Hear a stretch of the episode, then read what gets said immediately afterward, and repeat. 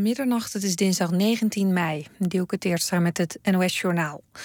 De redactie van de Telegraaf heeft van de krant van morgen... een eerbetoon gemaakt aan Jules Paradijs. Een foto van de vertrokken hoofdredacteur domineert de voorpagina. Onderaan staat de tekst... We zijn allemaal een beetje Jules.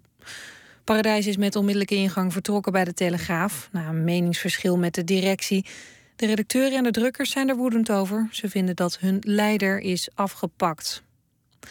De Amerikaanse politie krijgt geen zwaar wapentuig meer. President Obama stelt een leveringsverbod in voor zaken als granaatwerpers, gepantserde rupsvoertuigen en bajonetten. Zo hoopt hij de spanningen tussen burgers en politie te verminderen. Volgens Obama geeft de militaire uitrusting van agenten mensen soms het gevoel dat ze met een bezetter te maken hebben, terwijl ze zich juist beschermd zouden moeten voelen. Wereldgezondheidsorganisatie WHO zet met een kleine 90 miljoen euro een fonds op om meteen te kunnen reageren bij noodsituaties. Ook wordt intern een aantal zaken anders geregeld, zodat bij crisis sneller kan worden ingegrepen. Het afgelopen jaar was er veel kritiek op de aanpak van de ebola-uitbraak door de WHO. Vorige maand gaf de organisatie toe dat de hulp te traag op gang kwam en niet toereikend was. Een bekende tekenaar van het Franse tijdschrift Charlie Hebdo stapt op. Renal Lugier zegt dat de actualiteit hem niet meer kan boeien. De cartoonist ontsnapte in januari aan de terreuraanslag op het tijdschrift... doordat hij die bewuste dag te laat was. Tien van zijn collega's werden doodgeschoten. Na de aanslag tekende Lugier de wijdverbreide cartoon... van een huilende profeet Mohammed... die een bordje vasthoudt met de tekst Je suis Charlie. Hij zegt dat sindsdien elke pennenstreek een marteling is geweest. Dan nog het weer vanuit het westen klaart het op, maar er valt ook een enkele bui. De temperatuur daalt naar een graad of 8. Komende dag blijft het af en toe regenen, mogelijk met een klap onweer, maar er is ook geregeld zon. Het wordt 12 tot 15 graden. Dit was het NOS Journaal. NPO Radio 1. VPRO. Nooit meer slapen.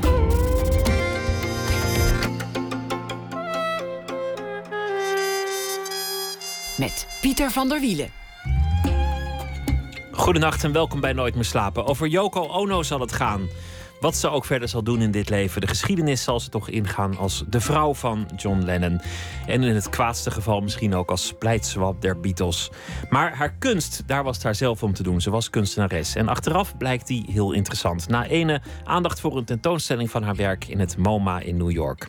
Krijgt u ook een verhaal van onze huisschrijver deze week. Dat is de Vlaamse dichter en schrijver Jeroen Teunissen. Maar we beginnen met Arthur Umkroven. Paradise Village is de titel van het uh, nieuwe boek over een vader en zoon die of meer op de vlucht voor de publieke opinie in Nederland een reis maken door de Verenigde Staten. Umgroven stelt ook de vraag aan de lezer: deug je zelf eigenlijk wel zo goed? Ben jij dan wel zo zuiver? Of ben jij misschien ook een beetje een hufter?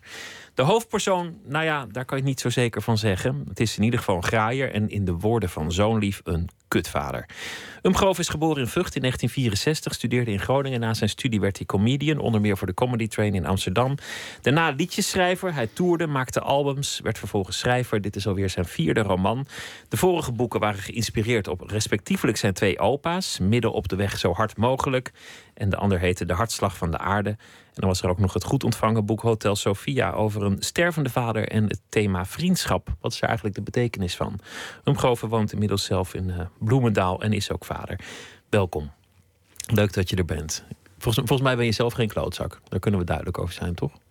Goh, nee, ik, ik vind de vader uit het boek ook niet zo'n klootzak hoor, eerlijk gezegd. Kijk, die, die zoon roept een keer kutvader, maar dat is. Uh, dat doen zonen op dat die doen. Zonen. Ja. ja. Maar Ja. toch stel je wel de vraag ehm, aan de lezer, maar eigenlijk ook aan de personages: van ja, wanneer, wanneer deug je nou eigenlijk? Ja, daar gaat het heel erg over. Ja, ik, het is een hele interessante discussie natuurlijk die, die over die bankiers nu gaat. Ehm, daar zijn, dat, die is veel genuanceerder volgens mij dan de discussie die we nu voeren. Snap ja, je? de- de- iemand is niet zonder meer een graaier of, of zonder meer een, een, een slecht mens of wat dan ook. Nee, en eh, de, de bankier in, de, in het boek, dus Frank, die stelt ook die vraag inderdaad aan de lezer. Hij richt zich dus af en toe echt rechtstreeks tot de lezer en vraagt: God, wat zou u in zo'n soort situatie doen? Of eh, declareert u nooit eens een brilletje wat kapot is eh, bij de verzekering, terwijl het er eigenlijk zelf op bent gaan zitten? En hoe zuiver ben je zelf? En dat is eigenlijk steeds, denk ik. eh, de vraag van we oordelen heel sterk over anderen, maar welk recht hebben we eigenlijk om te oordelen? In een van je vorige boeken, ik maak een eh, slingerende beweging, ging het over het verhaal van je opa, gekoppeld aan het verhaal van de verteller, die dan een beetje op jezelf lijkt natuurlijk. En daarin zegt die verteller: mij is altijd de neiging bijgebleven om mensen in te willen delen in goed en fout. En hier is waar, ja. lijkt je daar helemaal van af te zijn. Nou ja, het zijn allemaal romanpersonages. Dus dat, de, eh, ik moest tegenover die eh, grootvader... die in zekere zin een zwart-witte man was. Eh, in ieder geval iemand die in onze familie een soort mythe was. Hè. Hij was, om het even kort te vertellen... hij was geïnfiltreerd in de Gestapo... en was, was echt een oorlogsheld. Ehm, daarbij had hij ook nog eens veel geld verdiend in zijn leven... en reed in grote Amerikaanse auto's. En nou ja, het was in alles een mythe voor, eh, voor mij als kleinzoon. Eh, en tegenover, en dat boek gaat er ook over. In hoeverre kun je opleven tegen zo'n mythisch leven, als het ware? Wat heb je zelf nog? Als je opa een grote held is, wie ben je er zelf nog helemaal? En wat kun je nog doen om, om, om een beetje uit die schaduw te komen, als het ware? Eh, dus dat was in die zin misschien wat meer een zwart-wit boek. Nu is het thema anders. Nu gaat het, eh, wat mij betreft, juist over de nuance. Laten we het straks over de opa hebben, als we daaraan toekomen. En misschien ook over de andere opa. En eh, misschien ook wel je, je vader, je moeder eh, en, en wie verder in je leven voorbij is gekomen. Maar eerst eventjes over, over dit boek. Een road movie zou het zijn als het een, als het een film was. Ja. Een, een reis. Was dat ook meteen je idee? Ik wil, ik Ja. wil een reis beschrijven. Ik wilde Paris, Texas maken. Ik wilde Thelma en Louise maken. Ik wilde Zen en de kunst van het motoronderhoud. On the road. Ik, dat, dat zijn, ik, ik heb eigenlijk altijd bij elk boek ehm, vaak films als voorbeelden. Nu heb ik dus ook een aantal films eh, in mijn hoofd gehad. Die En je noemt, je noemt meteen ook hele klassieke films. En, Ja. en ook een paar hele klassieke boeken die, ja, die je altijd bij zullen blijven. Zeker als je, als je ze jong leest en kijkt. ja, absoluut. Ja, dat zijn een soort eikpunten. Ja. Je hebt ook zelf een reis gemaakt met je eigen zoon. Ja, nadat ik het verhaal had verzonnen. Dus het was, bij mij gaat het eigenlijk meestal zo dat ik eh, tegenwoordig dan, mijn eerste boek was echt heel, heel autobiografisch en heel erg het verhaal van die grootvader. En daar raak je steeds verder van af per boek. En nu is het inderdaad zo dat ik eigenlijk het verhaal verzin. En ehm, om het dan ja, een beetje maar goed in te kunnen leven, ga ik vervolgens het boek leven. Je hebt je ook wel verdiept in eh, het bankwezen. Je, je hebt, je hebt echt met zorg een, een verhaal gekozen dat aan alle kanten lijkt op verhalen die je wel in de krant had kunnen lezen in de laatste jaren. Ja. Maar het zijn er natuurlijk nogal wat geweest. Heksenjachten, Ja. mannen die ineens in de media kwamen met eh Nou ja, wat, wat mij hierbij heel erg. Het was eigenlijk zo. Ik had me voorgenomen om een roadmovie te schrijven. En eh, dat is altijd eigenlijk in het creatieve proces. Als je dan eenmaal begint aan iets, eh, dan, dan sta je open. Dus dan alles wat je ziet en hoort, dat, dat kun je toetsen of je het kan gebruiken. En toen was er net dat verhaal in de media over Sjoerd van Keulen, die dus eh, Van de SNS-bank. SNS-bank, die dus het land ontvluchtte omdat hij zo bedreigd werd. En dat kwam dus doordat hij een bonus had gekregen terwijl zijn bank was overgenomen. Die bonus had hij jaren daarvoor gekregen. Het verhaal klopte ook helemaal niet zoals het in de krant kwam. Het was, het was eigenlijk, noem je nu meteen een heel eh, lastig voorbeeld. Omdat deze man werd als een graaier afgeschilderd. Maar later kwamen er andere berichten in de krant die weer de eerdere berichten tegenspraken. En het lag allemaal onnoemelijk veel genuanceerder dan het aanvankelijk werd afgeschilderd. En het is natuurlijk niet één man. Daar zit natuurlijk een hele raad van bestuur, een hele raad van commissarissen. Er zitten allemaal zitten 10, 15 mensen die allemaal zeggen: we gaan die kant op. We gaan dat deel van bouwfonds, in dit geval, dat was dan het, het, het probleem, gaan we overnemen. En dan richt alle woede zich op één man. Over het algemeen eh, eh, door een zeer slecht ingelicht publiek. Er is heel veel mening, heel weinig kennis.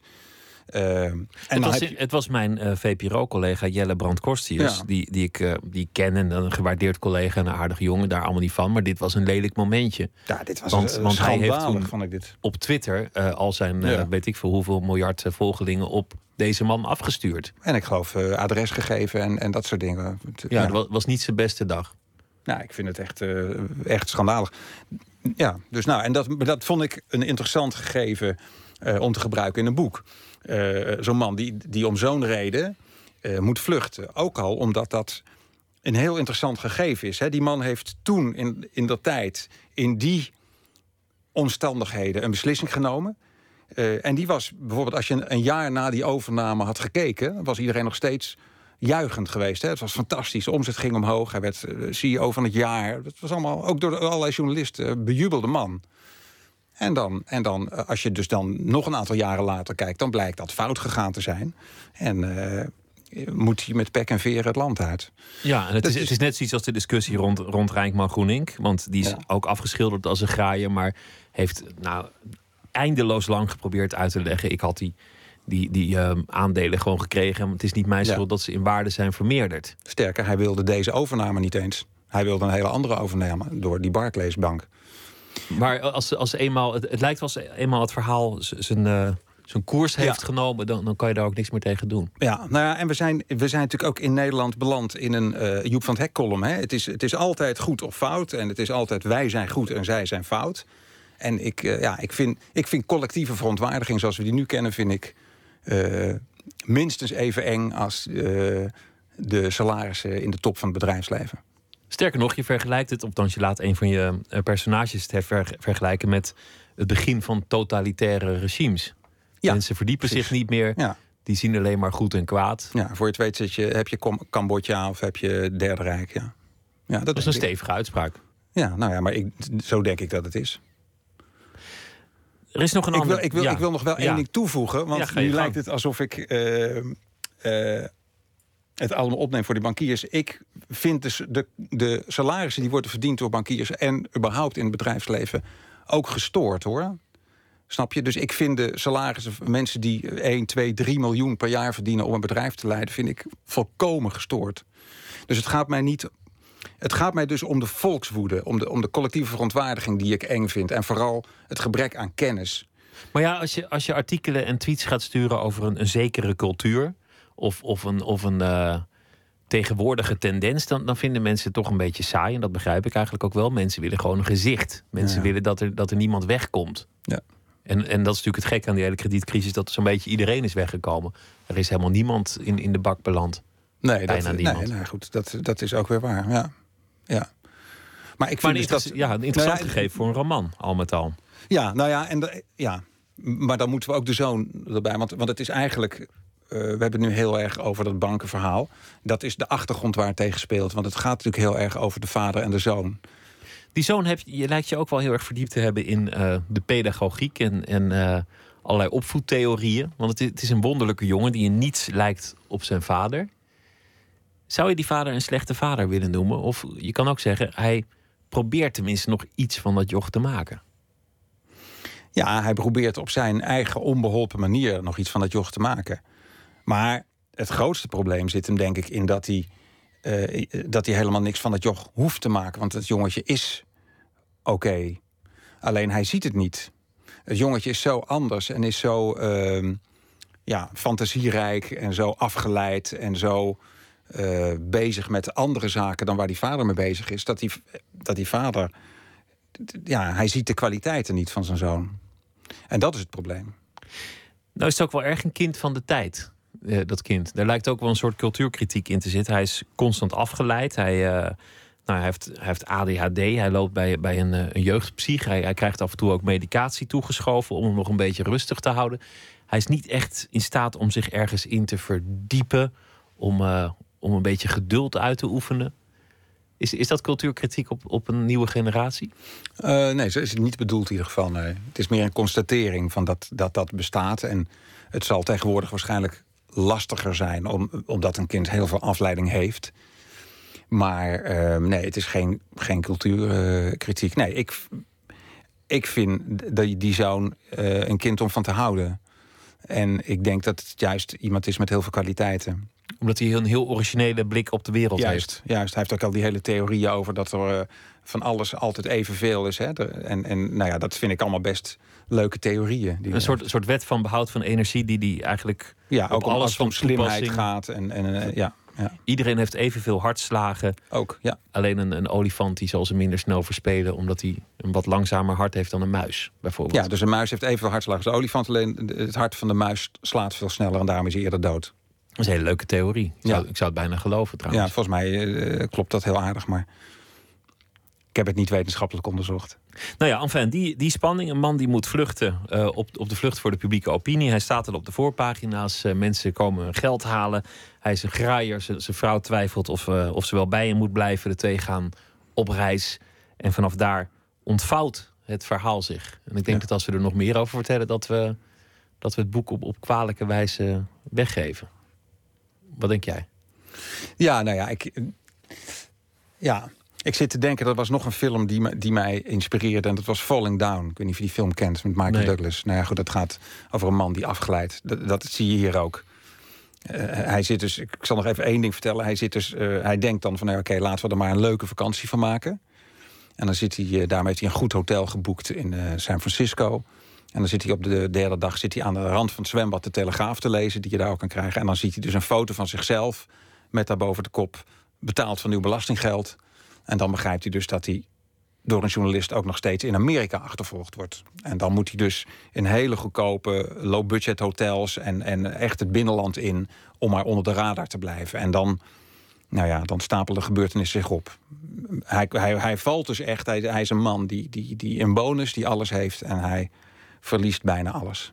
Dat vond ik het sterkste. Je, je schetst een man die zijn succes aan zichzelf te danken heeft, omdat hij heel goed is in het kijken en luisteren naar wat mensen doen. Hij kan een hele stapel papier doorlezen en meteen het addertje onder het gras zien, de kleine letters.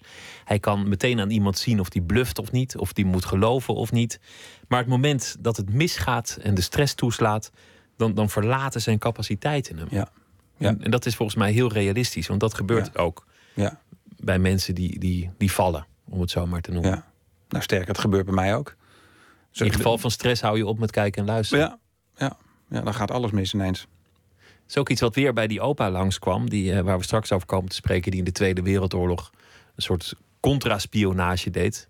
Hem verlieten die capaciteiten nooit. Zijn mensenkennis bleef altijd bij hem. Hij kon altijd kijken, altijd luisteren. Maar hij maakte een paar hele grote fouten. Die hem fataal hadden kunnen zijn. En hem misschien hadden moeten zijn. Hij heeft iets van drie keer een situatie gehad waarbij hij dus het, het, het fout deed. En daar is het gek genoeg goed gegaan. De opa bewaren we nog even. Op, Ja. op een zeker ogenblik is de hoofdpersoon in je boek... eh, wordt ook de creditcard geblokkeerd. Eh, de huurauto begeeft het. Dat zijn heel realistisch beschreven situaties. En iedereen die het wel eens heeft meegemaakt... een geblokkeerde creditcard in de Verenigde Staten... dat wil gewoon zeggen... uw mensenrechten zijn zojuist verlopen. Meegemaakt? Ja, nee, dat, ik, ik had het zelf niet verzonnen, maar het is mij zo overkomen. Ja, het was, een, het was een, eh, heel erg lastig toen ineens. Tijdens mijn reis met mijn zoon, dus twee jaar geleden, zijn mijn creditcardgegevens mij ontfutseld door. Het, verhaal beschrijf ik eigenlijk in het boek door iemand die belde van de receptie van het hotel. Die zei: God, we hebben een computer breakdown gehad. Geef nog, geef nog even het nummer. Dan even de ik- gegevens invoeren. En eh, dat heb ik toen gedaan. En vervolgens de volgende dag had, eh, kwam ik bij de receptie. Vroeg god, wat vervelend van die computerstoring. Toen zei die dame, nou, welke storing hebt u het over? Dat zijn gewoon bendes die, die heel ergens anders zitten. Die, die, bellen, die, die hacken het hele telefoonsysteem van het hotel. Bellen in en bellen dus op je hoteltelefoon. En, en komen met zo'n verhaal. En ik ben er inge- ingetuind. En je belt dan de bank en die zegt van... ja, we gaan niet een creditcard naar Amerika sturen. Nee, dat kon, dat helemaal niet. Nee, Nee. dat kon helemaal niet. Nee. Dus je, dus je zit zonder mensenrechten en zonder geld in de Verenigde Staten. Ja, en toch staat niks. in het nawoord van, van je boek... een onvergetelijk mooie reis die ik niet had willen missen. Ja, er was eh, in mijn geval met die creditcard wel een mogelijkheid. En dat was dat ik bij een aantal geldautomaten nog wel geld kon halen. Dus daarom kon ik, dus ik kon niks meer met die creditcard qua reserveren of qua afrekenen. Maar ik kon wel in sommige geldautomaten geld halen. En op die manier konden we die reis gewoon voortzetten. Nou ja, geen goede reis eh, zonder stress. Zometeen gaan we het hebben over eh, je opa's en je leven tot nu toe. Maar eerst naar Zweden, want daar vandaan komt een eh, singer-songwriter Daniel Nordgren. En heeft een album met de titel Alla Bursi, waarvan we draaien Lonely Girl.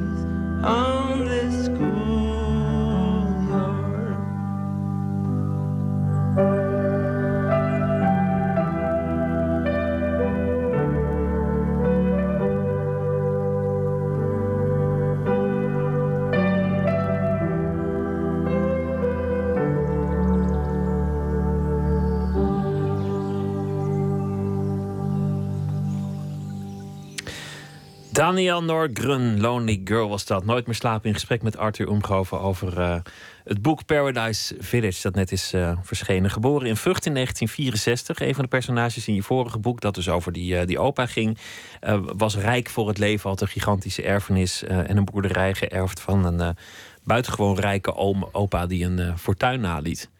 Hoe, hoe, hoe goud was jouw wieg in het echte leven? Redelijk goud. Ja, een goed, een goed nest, een goed gezin en een, eh, zeg maar een onbezoldigde toekomst. Nou, de onbezorgde toes- toekomst wil ik niet zeggen. Dat, dan gaat het om andere dingen. Maar ehm, dat verhaal klopt voor een deel wel, ja. Ik heb inderdaad een boerderij georven eh, toen mijn grootvader overleed. En, eh, en dat was wat geld, ja. Ja, je opa, een, wonderlijk figuur. Hij werkte voor Philips in de jaren 30. Hij was daar een soort bedrijfsspion om te voorkomen dat mensen geheimen van Philips naar het buitenland verscheepten, onder, onder andere. Eigenlijk een eigen inlichtingendienst runde hij daar. ja. En eh, deed daarvoor heel veel eh, zaken met de Duitse autoriteiten voor 1933. Onder andere, maar ook met eh, alle, alle andere Europese landen. Ja. In, in eh, België kwam die veel en in, in Ja, Hongarije kwam die- Frankrijk, ja. Frankrijk, noem maar op. Maar dan na 1933, dan wordt het eigenlijk een, een ingewikkelde situatie. Want de Duitse autoriteiten, de nazi's, zoeken contact met hem. Ja. Wat meteen opvalt aan die man is dat hij al vanaf het begin zich geen enkele illusie maakte over wat het betekent dat Hitler aan de macht is gekomen. Nee. Hij heeft alles zien aankomen. Nou ja, dat, eh, hij was natuurlijk een van de weinige Nederlanders die heel regelmatig in Duitsland was, in Berlijn was. Dus hij was een van de enigen die getuige was van wat zich daar afspeelde. Hij was eh, op Kristalnacht in, ik weet even niet meer waar hij precies was, ik geloof in Keulen. Ja, in Keulen. Eh, dus dat heeft hij ook echt meegemaakt. En dat is natuurlijk toch totaal anders dan nu. Ik bedoel, to- toen was dat zo geïsoleerd. Ik bedoel, in Nederland wist je dat nauwelijks. Had je, nou, ik bedoel, misschien schreef er een krant iets over of zo. Maar het was natuurlijk, nu zou je beelden zien. Nu zou je het allemaal kunnen volgen. Maar toen was hij denk ik een van de weinige mensen die, eh, die dat begreep. En toch zag hij al vrij snel in toen eh, de nazi's hem benaderden om, om contact te hebben, om samen te werken, dat hij dat wel moest doen. Nou, hij wilde het niet, maar hij is naar de Nederlandse regering gegaan en heeft gezegd: Dit wordt mij nu aangeboden. Eh, zal ik het doen? Willen jullie dat ik dat doe? En dat Met- wilden ze graag. Met het oog op, misschien kan ik iets betekenen eh, Ja, in de zin van rapporteren. spionage. Ja. Kan ik rapporteren. Ja. Eh, Ja. Spionage, misschien meteen een heel groot woord, maar nou ja, daar kwam Ja, het en wel ik op denk neer. dat dat in, in eind 33 ook nog niet. Ik bedoel, toen was het, dat was natuurlijk nog zeven jaar voordat die oorlog echt begon. Zes, zeven jaar. Dus eh, ik weet ook niet in hoeverre hij dat toen heeft voorzien dat dat een, een, een, een oorlog zou worden. Maar hij zag wel dat, dat die naties eh, fout bezig waren. En hij heeft dus inderdaad, denk ik, met het oog op dat hij kon rapporteren af en toe vanuit Duitsland en vanuit die Gestapo, eh, heeft hij dat gedaan. Later zag hij wel degelijk in dat de Duitsers eh, op oorlog uit waren. En hij had zich ook niet veel voorgesteld van de neutraliteit van de Nederlanders en Nee. de verdediging van de Nederlanders. Hij zag donders goed wat er ging gebeuren. Ja. Geen enkele illusie op dat vlak. Nee, dat was dus een, een eh, ik denk door de Eerste Wereldoorlog, waar Nederland natuurlijk keurig uitgekomen is door neutraal te blijven, heeft hij eh, gedacht dat, dat eh, dachten veel mensen dat dat nu alweer zou gebeuren. Ja. Ja. Je beschrijft het vanuit een, een personage dat dan natuurlijk een beetje op jezelf lijkt, die altijd de heldenverhalen van opa heeft, heeft aangehoord. Ja. En eh, die daarin gelooft. Maar ja, zoals dat gaat met opa's die verhalen vertellen. Dat is dan in je laatste boek. Iemand die veel verhalen vertelt, gaat de omgeving op een zeker ogenblik twijfelen. En eh, Ja. de verhalen worden misschien wat groter. Dus, dus je weet het nooit helemaal zeker. Wat was het moment dat je, dat je dacht: ik moet dit verhaal echt gaan uitzoeken?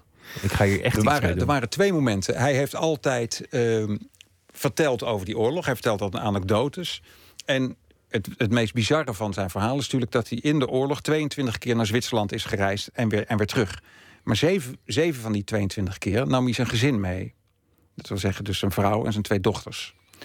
Die toen, eh, wat was het, zeven en acht waren. Nee, ja, zeven en acht waren. Ehm, en mij heeft altijd gefascineerd de vraag: waarom heb je niet de eerste keer dat je in Zwitserland was, in ieder geval je vrouw en je kinderen daar gelaten? Op neutraal terrein, Op- eh, ja, vrij van veilig. alle overlast van de bezetting. Ja, dan ben je, ik bedoel, wat ben je dan al voor een held? Dat je je familie in veiligheid brengt. En dan als je dan zo graag zelf terug wil, doe je dat. Dus dat was één moment waarop ik dacht dat, dat ik wil weten waarom dat was. Het andere moment was eigenlijk toen ik die, eh, dat huis wat ik eh, erfde van hem. Eh, ging opruimen en daar dus allerlei materiaal over de oorlog vond. Eh, oude paspoorten, oude Ausreis bewijzen, foto's. En eh, nou ja, dat was ook zo ehm, ja, interessant. Ik dacht, ik moet dat. ik, moet het. ik vond het ook dat ik het verhaal ehm, aan de vergetelheid moest ontrukken, als het ware. Ik dacht, nu is hij dood. Nu, nu gaat het verhaal straks weg. En dat wil ik niet. Zelf wilde hij het niet zo graag, hè? Een, een boek erover of Nee. eh, dat dan weer niet. Nou ja, hij heeft, hij heeft, eh Lou de Jong heeft natuurlijk uitgebreid over hem geschreven. En hij heeft Een meegewerkt. hoofdstuk zelfs. Ja, en hij heeft, hij heeft eh, en die parlementaire enquête toen in 48 geloof ik was dat meegedaan.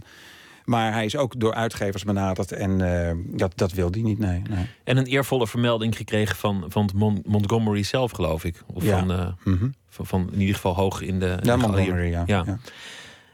Dan ga je op onderzoek uit. Het, het personage in het boek, maar dat is misschien ook een manier om het boek eh, een beetje suspense te geven. Die komt op een punt dat hij gaat twijfelen: is het eigenlijk allemaal wel waar? Ja. Ben ik er niet al die jaren ingebluft? Ja. Gebeurde dat ook in werkelijkheid? Ja, dat gebeurde eh, heel kort. Ik was in het Bundesarchief in Berlijn. ehm, en daar had ik contact met een vrouw die zou ehm, zijn Gestapo-contact. Je moet eigenlijk zo zeggen: er, er was één eh, Gestapo-man, voogd, die een dubbelrol heeft gespeeld. Die heeft hem onuitgesproken die uitreisvisa bezorgd. En die heeft hem de hand boven het hoofd gehouden. En Dus ik ben naar het Bundesarchief gegaan om informatie over die man uit te zoeken. En toen kwam ik daar en toen zocht zij en toen kon ze die man niet vinden. Dus dat was een moment dat ik dacht: Jezus, als, dit, als die man niet bestaat, dan klopt het hele verhaal niet. En zij ging dus terug naar de kamer en ze, nog een keer, ze zei: nee, nee, ik kan hem echt niet vinden. Ehm, maar goed, toen na een minuut of vijf had ze hem gevonden. Ergens in het archief. En dan bleek dus een hele hoge eh, man te zijn. Iemand op niveau Eichmann. Dus echt een hele hoge Gestapo-man. En dat was het belangrijkste contact van jouw opa. Dat was het contact. Dat was, het, ja. dat, dat was de man die. eh, die en die heeft echt ook een, een heldenrol vervuld, die man. Want die heeft dus eh, geheim, geheimen gelekt aan hem. Maar later, toen hij werd overgeplaatst naar Joegoslavië, heeft hij aan het partisanenverzet ook geheimen eh, gelekt. En dat is ook uitgekomen. Dus hij is toen door de SS gestraft. Eh, daarin vind je ook een soort van bewijs dat, dat die man gestraft, inderdaad. gestraft door de SS wil zeggen op zijn minst doodgeschoten. Nee, of, het is niet doodgeschoten. nee. Hij al zijn onderscheiding is afgenomen en hij kreeg een, een degradatie en een, een, een strafstelling ergens, ergens anders of zo. Nou, dat is buitengewoon mild voor SS. eh, ja, maar hij is lot gebruiken. niet ontkomen, want hij, heeft, eh, hij is door de Engelsen na de bevrijding eh, in een gevangenkamp gestopt. Daar heeft hij toen in 46, begin 46 een brief van mijn grootvader geschreven dat of mijn grootvader in godsnaam een goed woordje voor hem wilde doen, want het ging mis. Toen is mijn grootvader naar Oost-Duitsland gereden, waar hij toen zat. En eh, toen bleek hij een dag daarvoor uitgeleverd te zijn aan het partisanenverzet. En eh, nee, aan een, nou, ik weet even niet welk, maar in ieder geval aan een eh, groepering. En die heeft hem zonder vorm van proces aan een brug opgehangen.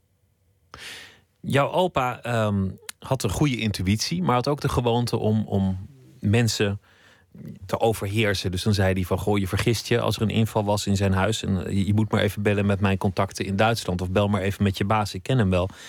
Een eigenschap die, die je ook een beetje eh, hebt gebruikt voor de bankier in je laatste boek. Dat is een man die buitengewoon slim is in het inschatten van, van mensen. Die meteen doorheeft of iemand bluft of niet. Die op alle details let en dat interpreteert. Jouw opa die had ook altijd kaartjes bij zich van mensen die die kende in Duitsland. Nou, van die voogd had hij. Van, van die eh, voogd van, Ja. van de Gestapo. Ja. Dus als die werd aangehouden, dan liet hij dat kaartje zien. eh, Ja. zo, nou, ja. bel hem even. Wetend dat ze dat waarschijnlijk ook niet eens meer Nee, hij doen. maakt natuurlijk gebruik van het zeer hiërarchische denken van Duitsers. En die, die waren dus zeer onder de indruk dat hij zo'n hoog contact had bij, bij die Duitse Gestapo en durfde dat niet te checken. Tot iemand van de Weermacht in, wanneer was het, 2 of 43, ehm, dat aan zijn laars lapte en toch een onderzoek begon. En toen moest hij een keer weer vluchten. Je zei net, hij heeft een paar fouten gemaakt. Eigenlijk had hij die eh, makkelijk niet kunnen overleven. Ja. Wat waren die fouten? Nou, een van die fouten was dat hij, eh, hij had ehm, voor het Belgische verzet had hij een soort pasje. Want het probleem was natuurlijk, hij, hij moest dingen leveren of krijgen van het Belgische verzet af en toe. En die Belgische verzet heette de Witte Brigades, in tegenstelling tot de Zwarte Brigades van de, van de Duitsers, geloof ik. ik. Ik moet je zeggen, het boek is inmiddels zo lang geleden geschreven dat ik af en toe even moet nadenken. Maar volgens mij klopt dat. En op het moment was er een, ehm, ergens bij het plaatsje Bouillon, was er een eh, check. Dus hij reed met zijn auto en hij werd aangehouden. En je had dus een paar mensen van de Rijkswacht daar staan. En iets verderop stonden wat Duitsers. En hij moest dus gewoon zijn identiteitsbewijs laten zien, zijn paspoort. En hij greep in zijn binnenzak en pakte per ongeluk dat pasje van die witte brigades. Nou, dat is een.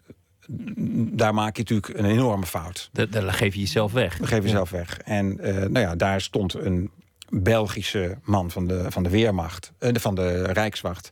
En die keek daarop en die zei: Ik geloof dat u het verkeerde pasje pakt. Die heeft hem gematst en dat heeft hem zijn Nou ja, leven... die heeft hem dus eh, het leven gered. Ja.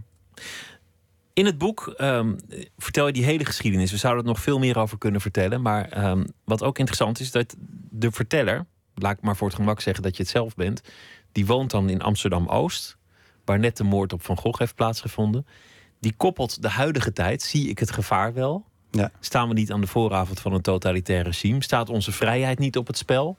En ben ik niet blind? Ben ik eigenlijk wel zo'n held als mijn opa? Of Ja. ben ik gewoon een slappeling in zijn schaduw? Ja. Was dat een vraag die je jezelf stelde? Ja, het was, het was heel wezenlijk, ja. Het, Want jij, eh, jij woonde ook in die buurt. ja, nee, dit, dit, dit gebeurde gewoon. Dus, dus we, wij wonen aan het Oosterpark en eh, Van Gogh werd om de hoek vermoord. Mijn vriendin bracht net de kinderen naar school.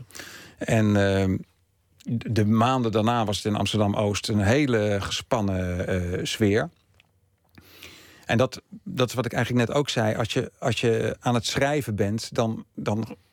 Het gekke is, het lijkt wel alsof er dan dingen gebeuren die je kan gebruiken. Maar het zal waarschijnlijk omgekeerd zijn. Je gebruikt de dingen die gebeuren. Maar ehm, dat vond ik zo'n. Ik bedoel, dat was angstig voor ons. Het was. ehm, nou ja, een ding wat ik echt heel goed kon gebruiken in dat boek. Want de radicale islam zou je gewoon kunnen vergelijken met het fascisme. Het Ja. is totalitair, het, het, wil overheersen... en het, het is tegengesteld aan alle vrijheden waar je Ja, aan gehecht zou willen zijn. absoluut. Je bent zelf gevlucht naar, naar Haarlem. Ja. Of, of, is dat, of is dat wat heel gechargeerd? Je bent gewoon wat groener gaan wonen. Nee, het, eh, het heeft zeker meegespeeld. Ja, het heeft zeker meegespeeld. Er waren ook allerlei praktische bezwaren tegen Amsterdam Oost. Maar eh, dit heeft zeker meegespeeld. Ja. Toch is dat een beetje alsof je je uitspreekt. Als je, als je dit zegt, van ik, ik, ik zie de opkomst van, eh, van de islam in Amsterdam-Oost als eh, het nieuwe fascisme. eh toedeledokie, ik ga naar Haarlem. Mhm. Dat is een uitspraak waar je in veel kringen helemaal niet geliefd mee maakt. Eh, nou ja, dan is dat zo. Heb je dat meegemaakt of viel het wel mee? Nee, Zei- iedereen, nooit- ach joh, Ja, ik heb ik snap het eigenlijk wel. Maar ja, ik kan me altijd verschuilen achter het feit dat het een roman is natuurlijk. Maar je hebt, het, je hebt het in der tijd in interviews ook een paar keer gezegd Mhm. op, op eigen titel. Ja. Geen reactie. Iedereen dacht van, nou ja, klopt eigenlijk ook wel. Je hebt wel gelijk. Nee, ik heb daar nog niks op gehoord. Nee, nee. Grappig, interessant. Ik wil het nog even hebben over wat er daarna gebeurde. Want je, je hebt die geschiedenis van die monumentale opa in je familie. Dan is er die andere opa. Opa Ja. had een hersenbloeding gehad. Ja. Die, ehm, iedereen dacht dat hij eigenlijk niet meer zijn, zijn geheugen op orde had. Dat hij, dat hij niet meer wist wie hij ooit was geweest. Dat is verzonnen, hè, allemaal. Dat is verzonnen. In, in werkelijkheid Ja. wist hij dat wel degelijk nog. Nee, dat, dat, daar heb ik een heel, heel stuk fictie. Dat is al veel fictiever. Want die grootvader heb ik nooit gekend. Die, die is op eh 54-jarige leeftijd overleden. Ehm, en, maar ik heb dat leven afgemaakt in mijn boek, als het ware. Dat is de fictie. Dus je, je ziet daar een, een man die eh, ooit op de stoep van een verpleeghuis is gevonden, als het ware.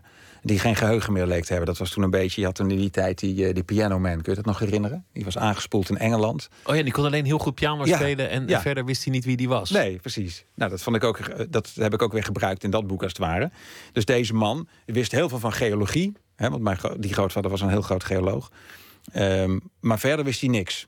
Alleen in mijn boek blijkt dan aan het eind van zijn leven, als hij, als hij eh, tegen de 90 loopt, dat hij zich eigenlijk toch wel dingen herinnert. En dat hij dat verhaal toch eigenlijk wel wil opschrijven. En dan komt hij met, met theorieën eh, die prachtig zijn. Die ook een beetje doen denken aan de theorieën. Die in je laatste boek dan weer uit het hoofd van die zoon komen. We noemden al de muis en de olifant en het totaal aantal hartslagen. De gedachte dat alles ongeveer gelijk blijft. Ja. Dat zijn eigenlijk het soort gedachten waar je die theorie in dat boek over die opa moet zoeken.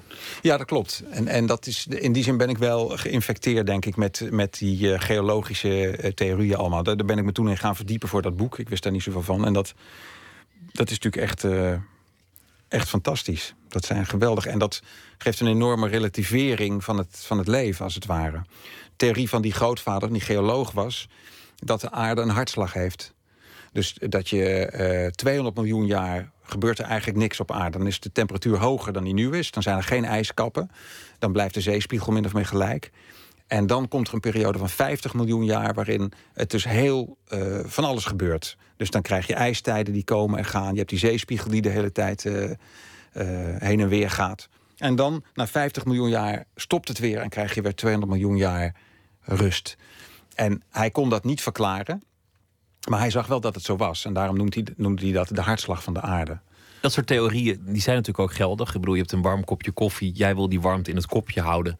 Maar de, de warmte zal zich verspreiden over de kamer. Maar de totale hoeveelheid energie die is niet, niet veranderd. Hij heeft zich alleen verspreid over een grotere oppervlakte. Ja. Geldt natuurlijk ook voor, voor eh, de hoeveelheid CO2 of, of materialen of wat Ja. dan ook. Ja. Dat, dat soort theorieën zijn, zijn heel fascinerend, maar, maar geldig.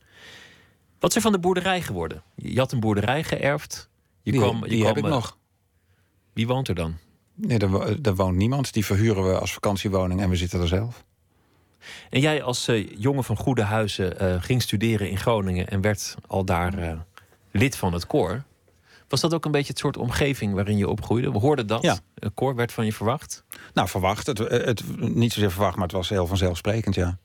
Het was vanzelfsprekend dat je ging studeren. En het was vanzelfsprekend dat je bij het koor ging. En heb je dan ook eh, je kop laten kaalscheren en eh, bier over je hoofd laten nee, gieten? dat was in die tijd niet meer, nee. Oh, dat was al afgeschaft. Ja, was al heel, volgens mij al heel lang afgeschaft, ja. geen, enkele, geen enkele vorm van ontgroening. Ja, wel. Nee, maar je, je kop scheren niet. Oké. Oh ja, nee, uitgebreid ontgroend, ja. ja.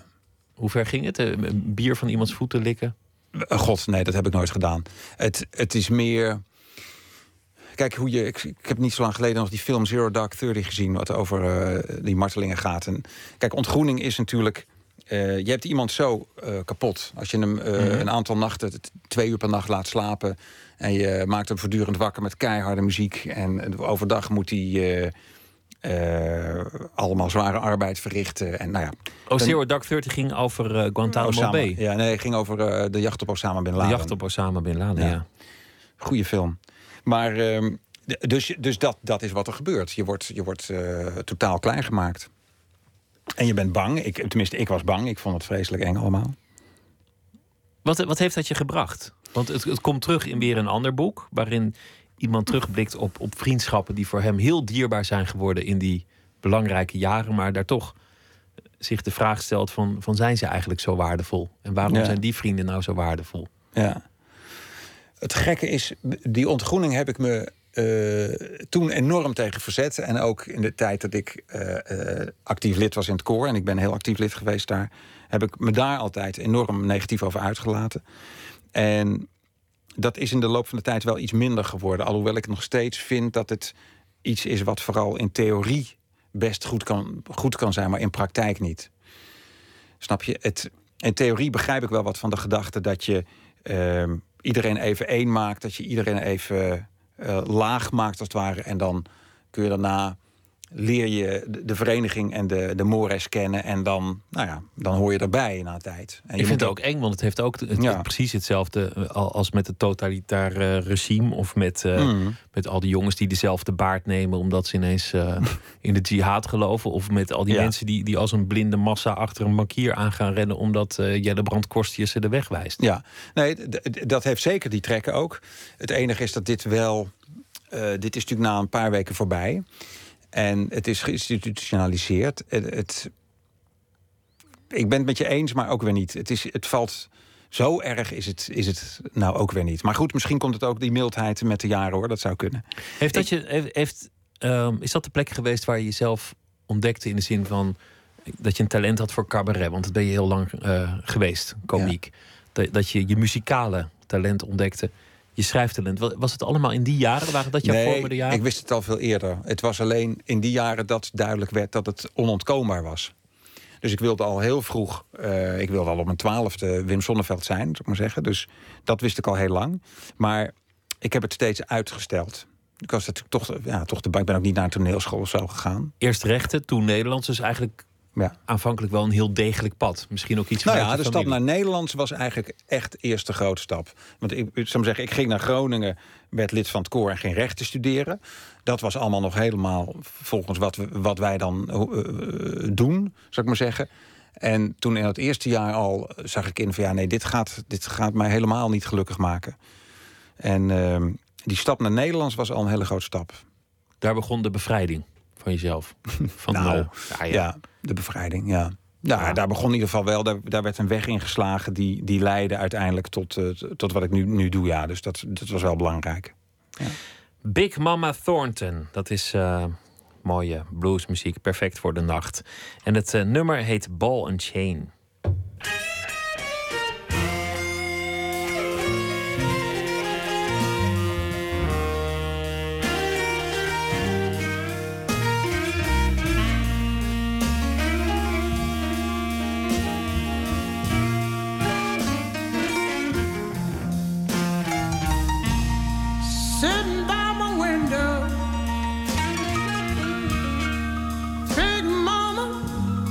remember looking at the rain.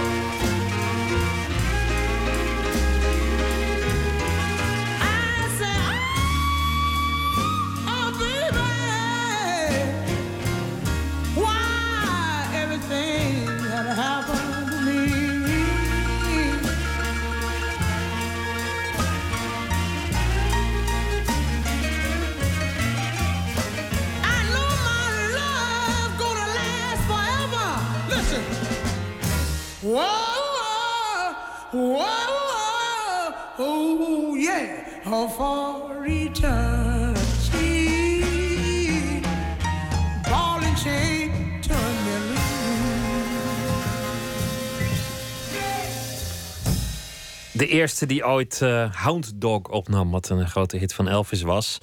Hier eh, zong ze een eigen nummer, Ball and Chain. Dit was Big Mama Thornton. Arthur Omgroof zit hier eh, tegenover me. We hebben het gehad over ehm, je laatste boek. Een soort roadmovie wilde je maken over een vader en een zoon... die op reis gingen door de Verenigde Staten. Papa was een bankier, werd nagejaagd... zoals zoveel mensen hier in Nederland nagejaagd zijn als graaier. Slecht in de pers. Je wilde de vraag ook stellen... Klopt het eigenlijk allemaal wel? Zijn we zelf wel zo goed? Is het niet een lynchmob? Is het niet allemaal te makkelijk? Je noemde het totalitair zelfs. Die neiging om iemand eh, aan de publieke paal op te knopen omdat hij het eh, verkeerd heeft gedaan. We hebben het gehad over je, je jeugd. Niet onbemiddeld eh, opgegroeid. Een boerderij geërfd. Je vader zat in het verzet. Dan heb je een, Grootvader. je grootvader zat in het verzet, dankjewel. Hou hem, hou hem erbij als je wil. En toen hebben we het gehad over het, het koor waar je zelf toetrad. En de ontgroening. De ontgroening leek je eigenlijk niet zo ontzettend erg te vinden. Zoals je het vertelde. Ja, jawel. Ik vond het verschrikkelijk. Ja, ja, ik vond het juist verschrikkelijk. Maar ik zei net van, het is, zal zeggen dat ik milder ben geworden door de jaren heen en mijn oordeel daarover. Maar ik, ik blijf het eh, dus in theorie iets goed vinden en in praktijk niet. Want het probleem is dat het vaak uitgevoerd wordt door mensen die gewoon te gefrustreerd zijn of te weinig hun grenzen kennen, waardoor het en iedereen is dronken altijd. Dus eh, daar, daarin gaat het mis. Maar ja, en ik de- heb ook te veel, te veel leuke mensen zien afhaken bij die ontgroening. Snap je? Mensen van ik dacht, nou, die zijn dan net leuk. Die, die op het moment dachten, ja, weet je wat, laat me hangen, dit doe ik niet meer. Maar de reden dat je ontgroent is eigenlijk iemand zijn eigen identiteit laten afleggen en een nieuwe identiteit aannemen. Ja. Je noemde het zelf je, eh, het, het breken van iemand, hoe makkelijk dat gaat. Ja.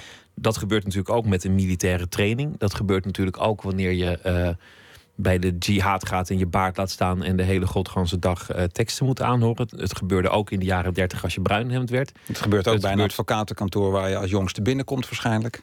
Het gebeurt op, op tal van plekken. En de vraag die eronder ligt is: weet je eigenlijk wel wie je zelf bent? Kun je jezelf wel kennen? Nee, nou ja, je, je kent jezelf in bepaalde omstandigheden. Dan weet je min of meer wat je gaat doen in een bepaalde eh, context, als het ware. Maar zo gauw je in een andere context komt, in andere omstandigheden, weet je dat niet. En ik bedoel, het is een soort mythe om te denken dat wij heel eenduidig één, één iemand zijn. Dat zijn we niet. We zijn een samenstel van allerlei iemanden en, eh, En context. en, en heel veel context, dat denk ik zeker, ja. ja. Toch is de Ja. rode draad in, in heel veel eh, interviews in de damesbladen. Ik wil vooral mezelf blijven, of trouwen Ja. met mezelf, of eh, mezelf ontdekken. Ja, daarom moeten die damesbladen ook weg. Nee, die damesbladen liggen daar goed, toch? Waarom ja. niet? Nou ja, goed, maar dit, dit is Nee, allemaal maar- ontzettende onzin natuurlijk. Jij gelooft daar niet in. Nee, nee, dat, dat zijn allemaal hele goedkope, eh, eenvoudige quotejes en zo. Maar dat, daar gaat het, eh, daar gaat het, dat kan helemaal niet. Je kan niet jezelf zijn. d- nee, daar geloof ik niet zoveel in. Toch gaat het in heel veel van je boeken over helden versus, versus niet-helden. Over, over moed en, en lafheid. Ja, Dus Ja. ergens heb je wel dat verlangen ja, om goed te zijn, om een held te zijn. ja. Nou ja, daar spiegel je je ook aan. Je moet toch te kijken. Bedoel, je, je, je, je bent door, door je context. Je bent de, er door de andere mensen met wie je omgaat. En je, het is allemaal relatief natuurlijk. We hadden het net over die bankiers. De bankiers gaat het natuurlijk helemaal niet om het absolute bedrag wat ze verdienen. Maar om de buurman of de, de, de collega-bankier. Wat verdient die dan? Maar dat kennen we zelf ook allemaal. Dus daar, daar, zijn, daar gaat het volgens mij allemaal om. En ja, het, je bent een samenstel van allerlei invloeden, van allerlei karaktertrekjes, die allemaal heel snel kunnen wisselen ook weer. Je haalt in, de, in het boek ook de film Wolf of Wall Street aan. Daarin, daarin zit eigenlijk ook ehm, dat thema. Mensen die zo in een, in een kokon terechtkomen... waar ze dag en nacht in verkeren... dat het besef van, van goed en kwaad een heel andere wordt. Ja. ja. Maar tegelijk bevalt het me ook niet. Want het is ook een soort visie alsof, alsof eigenlijk alles wel begrijpelijk is... en alles context is en iedereen kan alles gebeuren... en, en er is werkelijk niks waar je aan vast kan klampen... en uh, je moet het iedereen nee, toch want, maar want, want ik denk dat uh, alle personages in mijn boek maken bepaalde keuzes. In mijn vorige boek, Hotel Sofia bijvoorbeeld, dan volg je vijf mensen. En die maken allemaal bepaalde keuzes. En dat leidt allemaal tot iets. Het motto van dat boek is: je kan de koers van je schip uh, één gaat verleggen en dan kom je in een andere haven. Oh nee, je hoeft de koers van je schip maar één gaat te verleggen om in een andere haven aan te komen. Dus, dus kleine stappen hebben grote gevolgen. En je ziet allemaal mensen die ploeteren, die aan het vechten zijn, die, die niet halen wat ze hadden gedroomd te halen. Of, nou ja. en, en ik vind dus die zoektocht interessant. Dat is voor een schrijver interessant. Ben je zelf op een punt geweest in je leven dat je dacht: verdorie, ik ben het gewoon aan het verkloten? Ik ja, regelmatig, ja, ja. Wat waren dat voor momenten? Dat waren vaak momenten dat ik, als ik, ik voel vaak aan dat ik een bepaalde keuze moet maken, een bepaalde kant op moet gaan, maar dan duurt het nog heel lang voordat ik het doe. Ehm, dus dat had in Groningen bijvoorbeeld de keuze om Nederlands te gaan studeren, die ik maakte na mijn eerste jaar rechten. Toen wist ik al dat ik iets heel anders wilde, maar dat duurde vervolgens nog vier jaar. Ehm, op het moment dat ik mijn vierde theaterprogramma eh, weer honderd keer gespeeld had uh, en het ook niet zo goed liep, toen wist ik al dat ik een, eigenlijk boeken wilde gaan schrijven. Maar dat duurde nog een paar jaar voordat ik het deed. Die tijd heb je kennelijk ook nodig om, om jezelf, om die gedachten te rijpen. Ja, en ik ben, ik ben ook bang. Dus snap je, ik ben, ik ben niet iemand die meteen dan iets doet, zou ik maar zeggen. Ik ga het eerst enorm lang afwegen, wikken wegen. En... Vind je jezelf niet moedig? Uh, nee, ik ben niet, niet, niet heel moedig, nee, nee. Maar ik heb wel een. Ik heb wel een kijk, waar ik heel blij mee ben, is dat ik de beslissing heb genomen om niet te gaan doen wat voor de hand lag om te gaan doen. Dan was je jurist geworden? Ja, of arts, of, of manager, of weet ik veel. Ja. Iets netjes? Iets, ja, nou ja, netjes, maar ieder, ja. Want dat deden je vader en je moeder? Want die hebben we nog helemaal niet, uh, niet gehad. Mijn vader was jurist. Ja. En mijn, uh, ja. En, en, al je zussen zijn ook... Uh, ik heb geen zus, ik heb één broer. Eén broer, die, zijn, die, ja. zijn, die, die is ook iets netjes geworden. Die is bankier geworden. En ehm, en de, dus de, keuze om dat niet te doen, omdat ik echt voelde dat ik dat niet wilde, daar ben ik eh, heel erg blij omdat ik die gemaakt heb. Dus in die zin ben ik wel moedig geweest. Ja. Kijk je daarom ook met, met veel begrip naar de bankiers, omdat je denkt, nou, mijn broer is er een en ik had er ook een kunnen worden? Ja, ik begrijp ze wel, ja. ja. Ik begrijp dat milieu ook heel goed en ik, ik ken een aantal mensen en ik vind dat ook hele aardige mensen. Er zit wel een soort logica in jouw loopbaan, want um, je ging Nederlands studeren, je werd cabaretier. Je hebt dat jaren gedaan. Eerst echt stand-up comedy, daarna cabaret. Langzaamaan de harde grappen, die, die bevielen niet meer. Dus werden het steeds meer liedjes. Maar wel met een, met een zekere cabaretachtige gehalte. Dat werd toch langzaamaan wat meer theater en toen roman. Zie je er zelf nog een logica in? Nee, ik, maar het is voor mij wel een soort bal die doorrolt. Dus het is, zou zeggen, het schrijven van een boek is heel vergelijkbaar met het maken van een cd bedoel, de, de hoofdstukken zijn de liedjes gewoon. Dus, dus het creatieve proces is eigenlijk hetzelfde. En dat, daar word ik steeds uh, beter in, vind ik. Dan word ik, het overkomt me eigenlijk nooit meer dat ik uh, niet meer weet wat ik moet doen. Snap je? Dat, dat had ik vroeger echt. Ik kon vroeger echt vastzitten. En nu uh, gebeurt me dat gewoon niet meer. Ik ga, ik ga zitten. Het gaat eigenlijk alleen nog maar om de omstandigheden creëren. Ik moet gewoon zorgen dat mijn internet uitstaat. En dat ik goed geslapen heb. En dan ben ik altijd creatief. Dus in die zin vind ik, is het voor mij niet zo'n enorme overgang. Weggevlucht uit Amsterdam-Oost, omdat je daar de, de sharia ingevoerd zag uh, worden langzaamaan. Naar uh, Haarlem of, of Bloemendaal, in ieder geval vlakbij Amsterdam. En, en een rustige, mooie omgeving. En um, daar ook vader geworden, een gezin. We hebben het net al genoemd dat je, dat je een trip hebt gemaakt met je, met je zoon. Is dat uiteindelijk het belangrijkste in jouw leven? Of gaat het over andere dingen? Mijn gezin. Ja. Ja, maar, nou ja, ja, dat is natuurlijk. Ja, wat kan ik anders antwoorden dan ja? Ja, maar is misschien ook een beetje zo'n voor de hand. Misschien een beetje voor de hand liggend eh, antwoord, omdat dat ze misschien wel luisteren. Nou ja, ik, had het, ik dacht erover. Ik zat eh, eh, vandaag nog even in een tijdschrift te lezen. En toen zei iemand. Oh ja, Victor Leu zei dat in een interview. Van het, het gaat uiteindelijk allemaal om de liefde. Toen dacht ik, ja, tuurlijk, het gaat allemaal om de liefde. Maar ja, je kan niet de hele dag op de bank naast je kinderen zitten en elkaar lief hebben, zal ik maar zeggen. Dus je moet toch daarnaast een leven hebben. Je moet toch dingen doen. Je moet elkaar eh, inspireren. Je moet. En dus is er nog iets heel anders wat ook heel belangrijk is. En dat is in mijn geval werk. Eh, Alleen maar liefde lijkt me ook niet echt een heel lekkere zelfontplooiing. Ja, in het eerste jaar misschien, maar Nee. na, na een tijdje ook niet meer, toch? nee, precies, daarom. Dus, Dan ken je er wel. dus, dat, ja, dus ik vind het altijd zo'n zo'n eh, non-antwoord. Van liefde is belangrijk. Ja, tuurlijk is liefde belangrijk. Natuurlijk, mijn, mijn gezin, natuurlijk is mijn gezin het belangrijkste. Maar Maar in je boeken gaat het over hele grote thema's soms. Hè? Over, over, eh, over heldendom bijvoorbeeld. Mhm. Of eh, over, over moed of mensen die een levenswerk hebben. Een, een grote theorie. ja, In je laatste boek is het iemand van wie het levenswerk of zijn trots, zijn talent wordt afgenomen. Of althans, dat stort in. ja, ja, En hij wijt het eerst aan iedereen. Ja. Hij moet zichzelf opnieuw uitvinden. Toch heb ik de indruk dat hij zich daar opnieuw vindt. Dat, dat ene deel waar hij nooit naar gekeken heeft, namelijk zijn, zijn privéleven. ja ik, ik laat het een beetje open aan het einde. Want eh, aan het einde is dus de zoon terug naar Nederland... en blijft hij nog in Amerika... en is nog echt op zoek naar eh, wat hij moet met zijn leven... en, en wie die is. En, en alles is... De hele wereld is veranderd. Ehm, dus ik, ik geloof niet dat ik daar echt een antwoord op geef. Nee, ik geloof niet dat hij dat gevonden heeft. Hij, hij is nog zoekende. Laten we ook niet het einde van het boek weggeven trouwens. Nee. Dat is misschien heel, Nee. eh, heel En overigens, in mijn andere boeken vind ik dat ook niet. Want in Hotel Sofia bijvoorbeeld zijn al die mannen, al die vrienden die elkaar na zoveel jaar weer zien, ook allemaal. Ja. Het leven is bij, bij al die mensen niet geworden wat ze hadden gedacht dat het zou worden. Eigenlijk heeft alles een beetje ingehaald. Alles waarvan ze dachten dat het nog wel tot bloei zou komen, dat, dat is. eh, een Ja, of ze hebben, het wel, ze hebben het wel uitgeleefd, maar het heeft niet opgeleverd wat ze dachten. Je hebt dus één, één van die jongens bijvoorbeeld, die werkt dan bij, eh, bij zo'n groot eh, kantoor. Die verdient heel veel geld. Eh, dat wat hij dacht vroeger dat belangrijk was, maar dat, dat blijkt het toch ook maar ten dele te zijn. En dat geldt voor allemaal. Ook de acteur in dat boek. Je hebt een acteur die nou ja, ook op een scharnierpunt in zijn leven staat. Nou, die heeft het prima, die heeft goede rollen.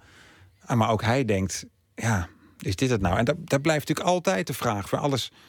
Je kan de meest succesvolle mensen vragen: eh, eh, ben je nou tevreden? En ze zullen altijd wel iets noemen waar ze niet tevreden over zijn. En jij zelf, is dit het nou? Ben je nou tevreden? Nou, deels. Ja, ik ben, ik ben heel tevreden over dat ik dit doe.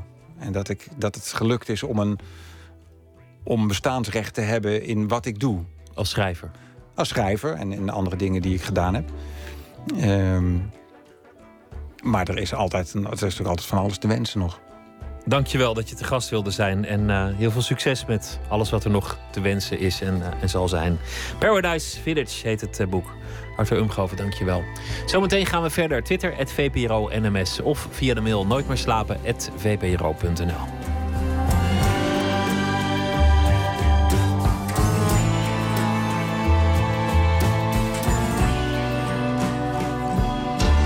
Op Radio 1. Het nieuws van alle kanten.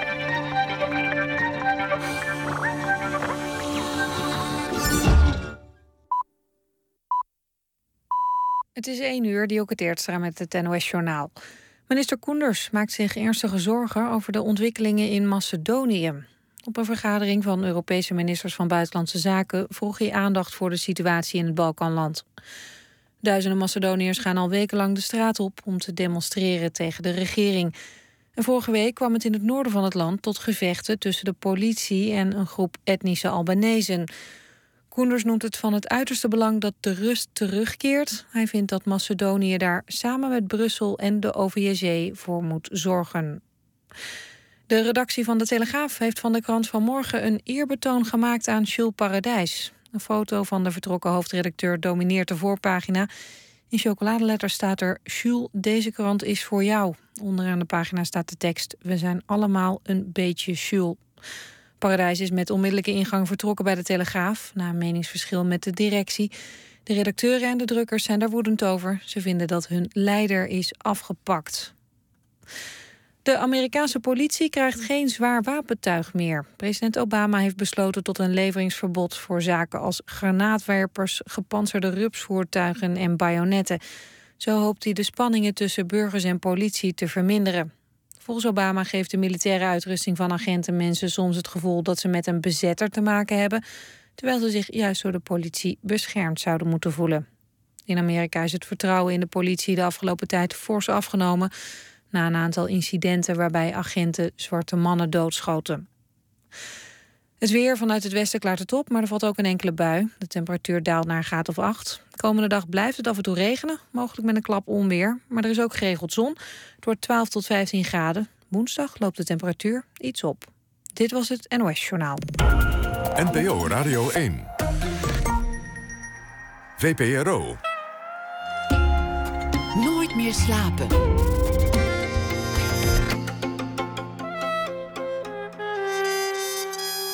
Met Pieter van der Wielen. U luistert naar Nooit meer slapen. Een goede doelenstichting van je oud-tante erven... met een eh, half miljoen euro in kas. Dat overkwam theatermaker Anouk Nuyens. Maakte zijn voorstelling over. Hulp is daarvan de titel. Daar praten we zo meteen over. En uh, beeldhouwer Volkert de Jong, die bezoeken we. Museum Kranenburg in Bergen. Want daar heeft hij een uh, samengesteld met de titel Manifesten. Maar we beginnen met Jeroen Teunissen. Een Vlaming, schrijver en dichter... Hij zal deze week elke nacht een verhaal voordragen dat hij voor dit programma schreef. In 2004 gedebuteerd met de roman De Onzichtbare. Een jaar later zijn poëziedebuut Thuisverlangen. En zijn roman De Omwegen haalde de shortlist van de Libris Literatuurprijs. Zijn uh, vijfde roman heet Onschuld en uh, die verscheen afgelopen najaar. Goedenacht, uh, Jeroen. Goedenacht. Leuk dat je elke dag verslag wilt doen van de voorbije dag. Vertel maar, wat was het eigenlijk voor dag voor jou? Voor mij was het een, uh, een vrij drukke dag tot, uh, tot de avond. Ik heb, uh, ik heb vrij veel moeten werken, maar um, goed, dan heb ik, um, heb ik die, het verhaal dat ik moet lezen vandaag of deze week, dan heb ik de opdracht zeer ernstig genomen. En dan heb ik, heb ik vijf kranten in huis gehaald. Ik ze allemaal voor me opengelegd en heb ik gedacht, waar zal ik over vertellen? En dat was dan zeer fijn. En wat, wat is je het meest bijgebleven uit die enorme stapel nieuws en beschouwingen? Ja, niks eigenlijk. Nee, het was, was, weer, was weer niks? Wel, nee, niks. Niet dat het niks was, maar het probleem was dat er zoveel, um, zoveel zaken waren dat het eigenlijk onmogelijk was om er, om er, om er concrete, of om er, om er heel belangrijke nieuwsfeiten uit te halen. Dat was heel moeilijk. Dus uh, uh, dan heb ik uiteindelijk besloten om het heel licht te houden vandaag en het te hebben over het verschil tussen Vlamingen en de Nederlanders. Altijd leuk om, uh, over, om een boom over op te zetten. Ik ben ja, benieuwd. Denk ik wel. Ga je gang. Oké, okay, dankjewel. Op mijn zestiende maakte ik met enkele vrienden mijn eerste wandelvakantie. Een weekje in de Ardennen. Misschien het grappigste moment van die hele reis was de avond toen we Camping Tony bereikten, niet ver van Saint-Hubert. En toen we tot de vaststelling moesten komen dat Tony, een overdreven enthousiaste man, uit een of andere Nederlandse dorp stamde en ook zijn klanten allemaal Nederlanders waren. Wij dus de enige Belgen. Ach nee, dachten we, dit kan niet waar zijn. Die Nederlanders, heel gezellig bij elkaar, luid pratend over Nederland. Ochtends braken we voor dag en dauw op. Een andere keer, jaren later, herinner ik mij, had ik een vriendin die van naturisme hield. En waren we in de Provence op een of andere nudistencamping terechtgekomen. Natuurlijk bleken er een paar Nederlanders te zitten die nog terwijl we de tent aan het opzetten waren in een blote flikker kwamen kijken of ze ons konden helpen en die aanwijzingen stonden te geven over de windrichting en over onze piketten en wat nog allemaal, terwijl hun pikken als pendules heen en weer bewogen. En ja hoor, binnen de anderhalve minuut hadden ze ons uitgenodigd om s'avonds heel gezellig samen onder de blote hemel in de blote flikker een biertje te drinken. Maar ze hadden iets over het hoofd gezien. Ze hadden over het hoofd gezien dat wij Belgen waren, geen Nederlanders. Wij houden niet van gezelligheid. Of in ieder geval niet van jullie gezelligheid. Wij zijn bang. Wij, buren, bouwen muurtjes. Wij willen met rust gelaten worden. Een Belg die op vakantie een andere Belg tegen het lijf loopt, zal nooit gezellig een praatje slaan, maar zal altijd alles doen om die landgenoot te vermijden. Het laatste wat je op vakantie wil, is op zo'n dwaze landgenoot botsen. Waarom ben je anders weggegaan? Nee, dit klopt niet. Het laatste wat je op vakantie wil, of wat een Vlaming op vakantie wil, is niet op een landgenoot botsen, maar op een Nederlander botsen. Laten we het maar even zeggen zoals het is. Jullie Nederlanders denken misschien wel dat Belgen grappige Bourgondische mensen zijn en ten dele klopt dat ook wel. Ik drink bijvoorbeeld graag een trappistenbier en grappig ben ik uiteraard ook. Maar te weinig kennen jullie ook de ware aard van die Belgen. Het venijn. Jullie beseffen niet hoe xenofoob wij zijn. En heel in het bijzonder, jullie beseffen niet hoe groot onze afkeer van Nederlanders is. Het is beschamend, maar het is zo.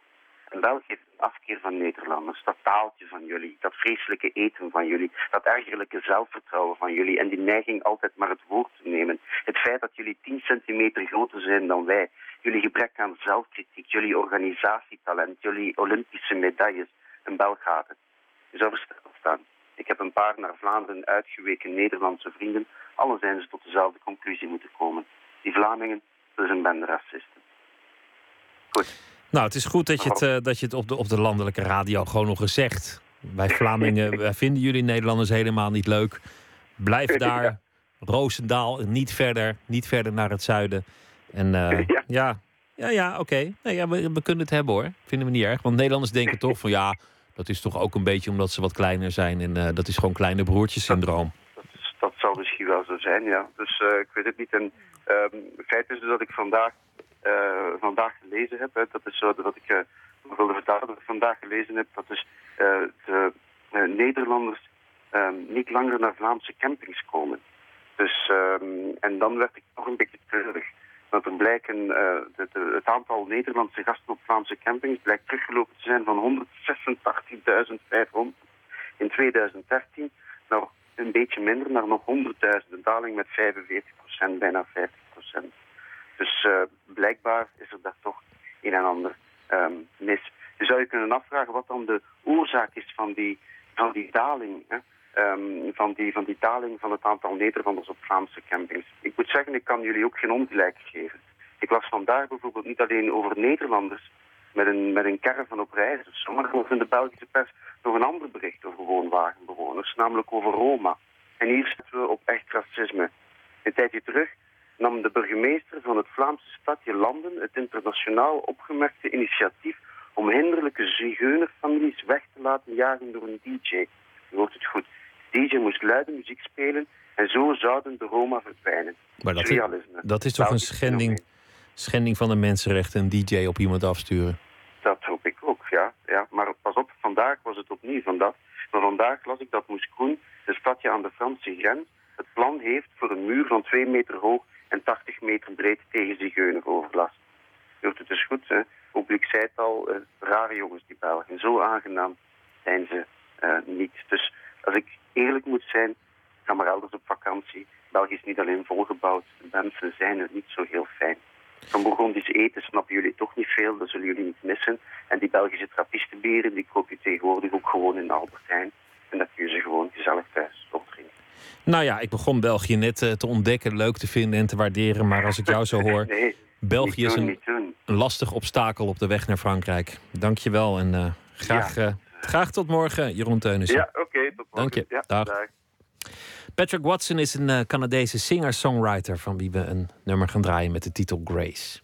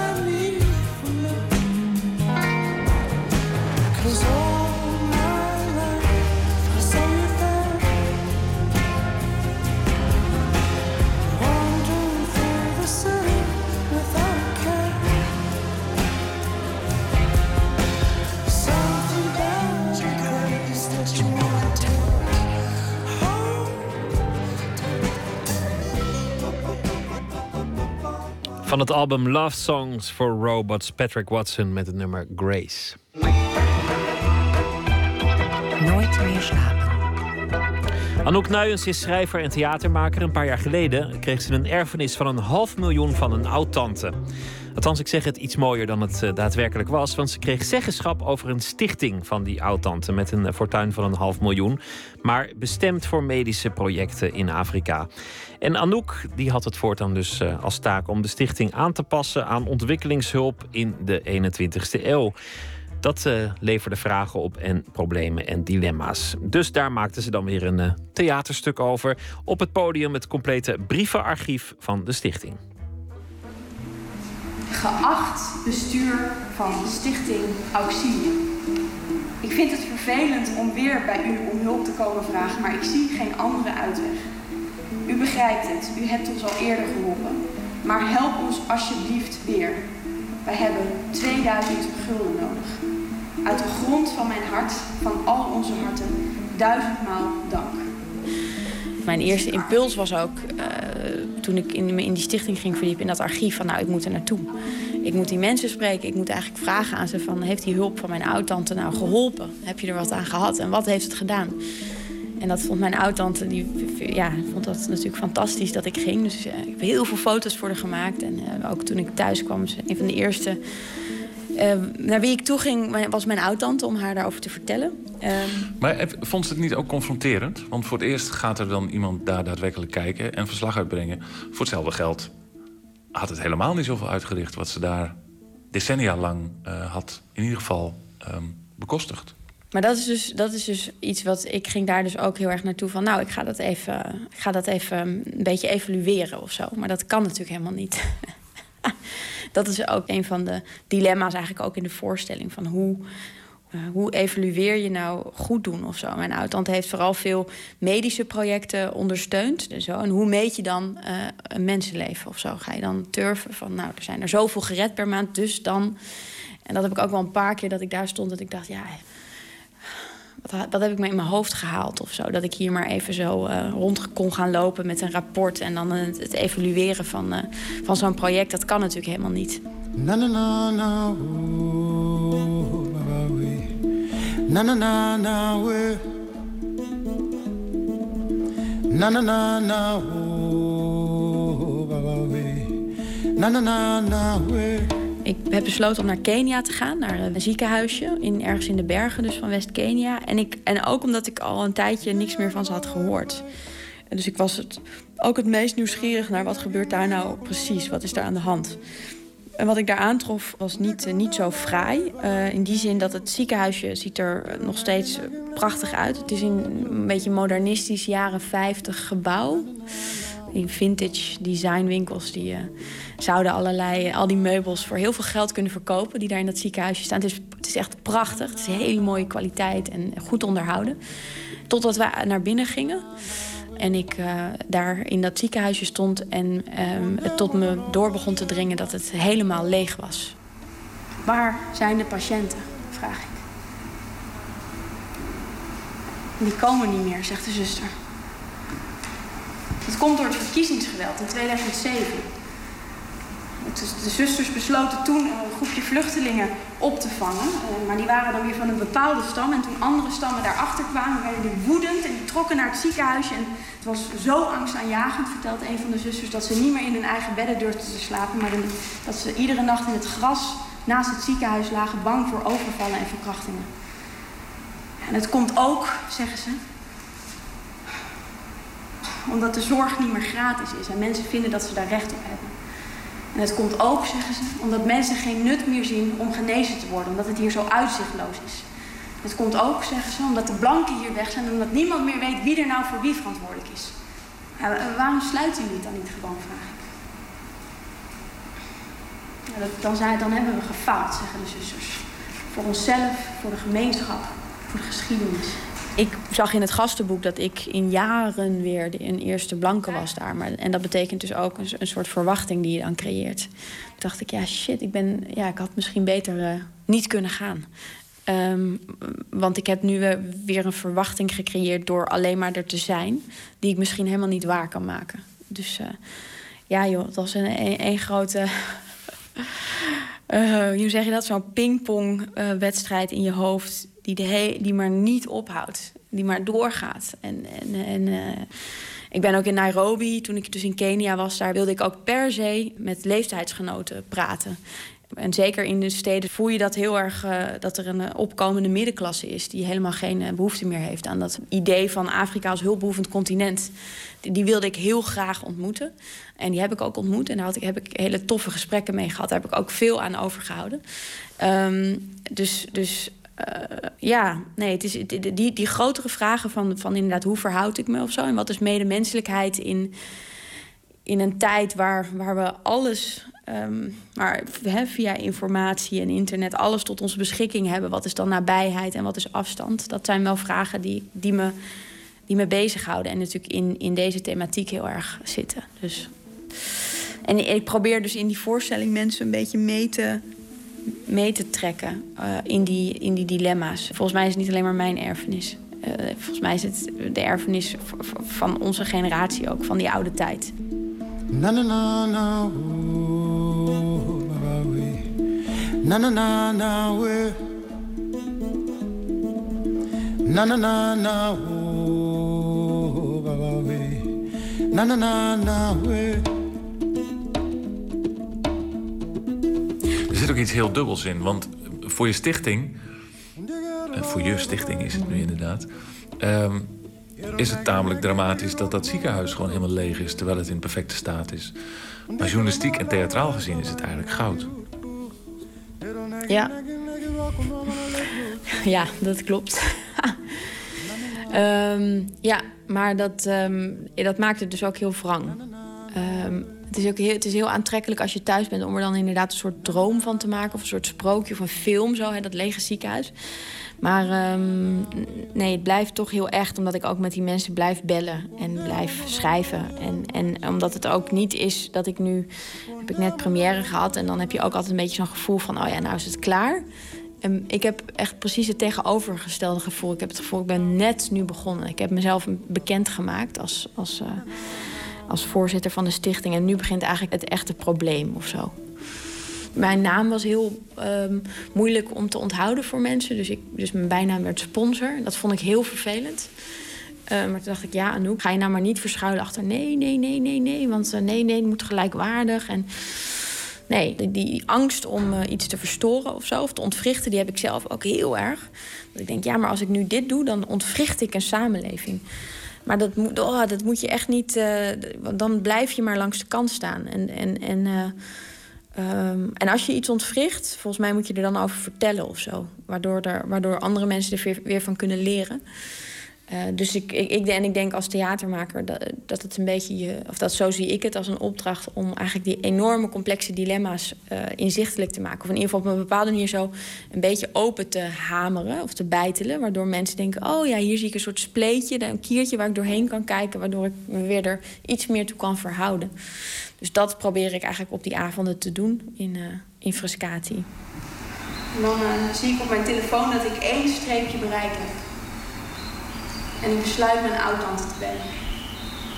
En ik vraag haar, hoe heb je het 50 jaar volgehouden zonder cynisch te worden? Ik heb het geld, zij willen het, ik geef het. Er komt rotzooi van, maar geen rotzooi die er linksom of rechtsom niet sowieso zou komen. Dan liever door te geven. Dan red je hier en daar nog iemand mee. Zo simpel is het. Ik speel geen personages op het podium. Ik sta niet uh, verkleed als een uh, zuster of als mijn oud-tante. Uh, maar ik probeer mensen dus puur via dat verhaal mee te nemen. En ik sta in een decor.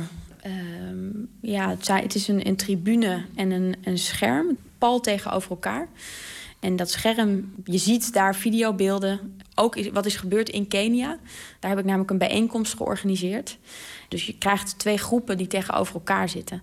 Ze zitten heel, je, ziet, je, kan, je kan ze heel erg. Het is echt. Uh, het is heel mooi gefilmd. Dus het lijkt net alsof ze er echt zitten en of ze echt zitten te luisteren. En, en dat, het is heel indringend, vind ik. Uh, en ik heb aan allebei die, die groepen vraag ik dus van uh, wat, wat, wat moet ik doen? Dus ik probeer eigenlijk die groepen een soort, misschien ja, dat, een soort verlangen om verlangen om, om ze bij elkaar te brengen. En dat lukt natuurlijk nooit, maar om ze in ieder geval bewust te maken van elkaar.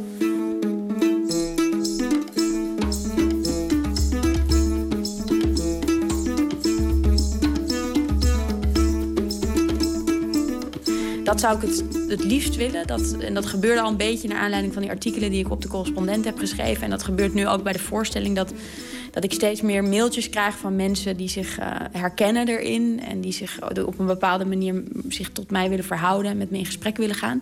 Dus ik zou het mooi vinden als er een soort stoet van mensen of zo zou ontstaan. Een, een groep, uh, net zoals mijn oud-tante dus een groep katholieke donateurs om haar heen had. Dat ik een soort groep van meedenkers verzamel. Mensen die, die, die af en toe met mij mee willen denken over, over, de, over de dilemma's die zo'n stichting in de 21ste eeuw met zich meebrengt.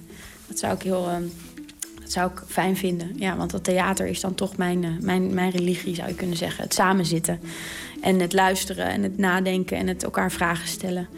Um, de tijd nemen. Dus dat, uh, dat, ik hoop dat dat, dat, dat die voorstelling uh, teweeg brengt. Anouk Nuyens vertelde Jan-Paul de Bond over de voorstelling Hulp. Dank aan Eliane Meijer van de Icon voor de geluidsfragmenten. De voorstelling is nog te zien in Amsterdam in Frascati van woensdag tot en met zaterdag.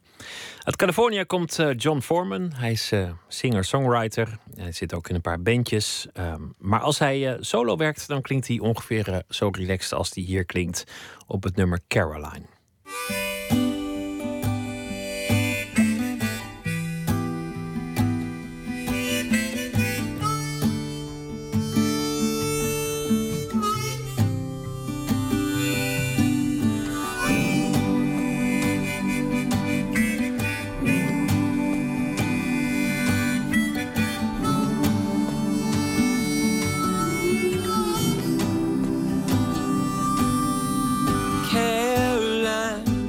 Queen of the never mind. It's been a little while since the second time I knew that you never come home. Caroline, you were just a child in a fire line. You were just a kid when your mama died, and daddy couldn't make it alone. And I wonder out loud where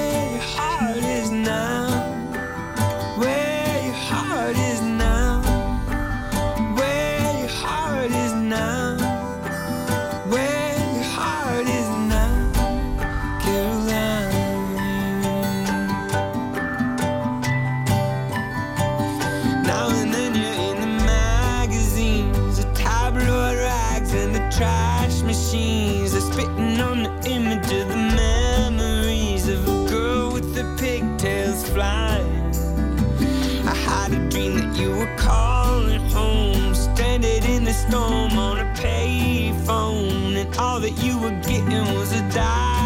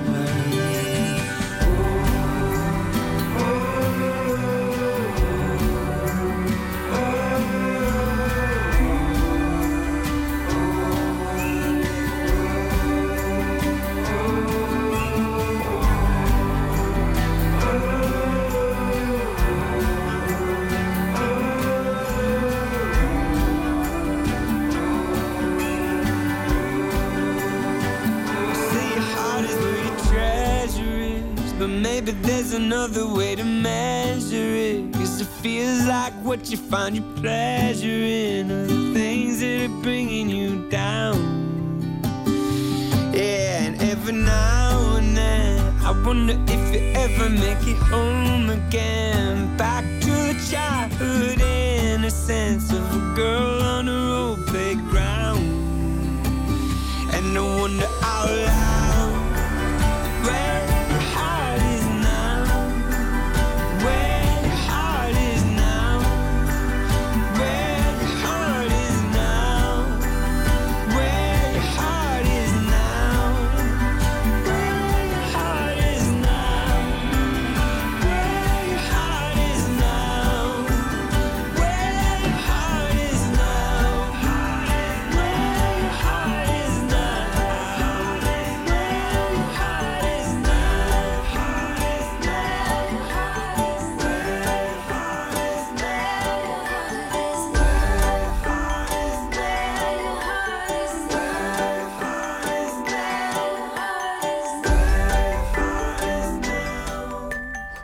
Van het album The Wonderlands, John Foreman met Caroline.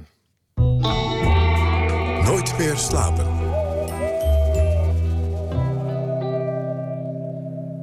Ze zal toch uiteindelijk de geschiedenis ingaan als eh, de muze van John Lennon. En ook wel achter een eh, kwade kracht binnen de Beatles. Maar in de eerste plaats is en was Yoko Ono kunstenares. In New York alles eh, te bekijken in het MoMA, Museum of Modern Art. Een expositie over Yoko Ono. One Woman Show 1960-1971. Anton de Goede is onze nachtcorrespondent. Goedenacht, eh Anton. Goedenacht, Pieter. Ja, Ja, Yoko Ono, vertel. In het MoMA te zien 125 vroege werken. En ja, er zijn heel veel mensen die associëren haar eigenlijk helemaal niet eh, met kunstenaarschap.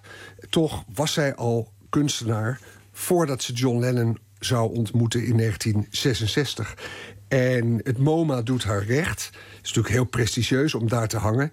En we realiseren ons nu ook dat zij daar eigenlijk al 40 jaar geleden eh, te zien was. In 1971 hing er daar ook al werk van haar. Nou is dat 40 jaar geleden.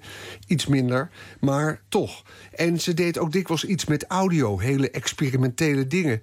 Wat te denken bijvoorbeeld van haar voice piece voor soprano and wish tree. Waaruit dit fragment.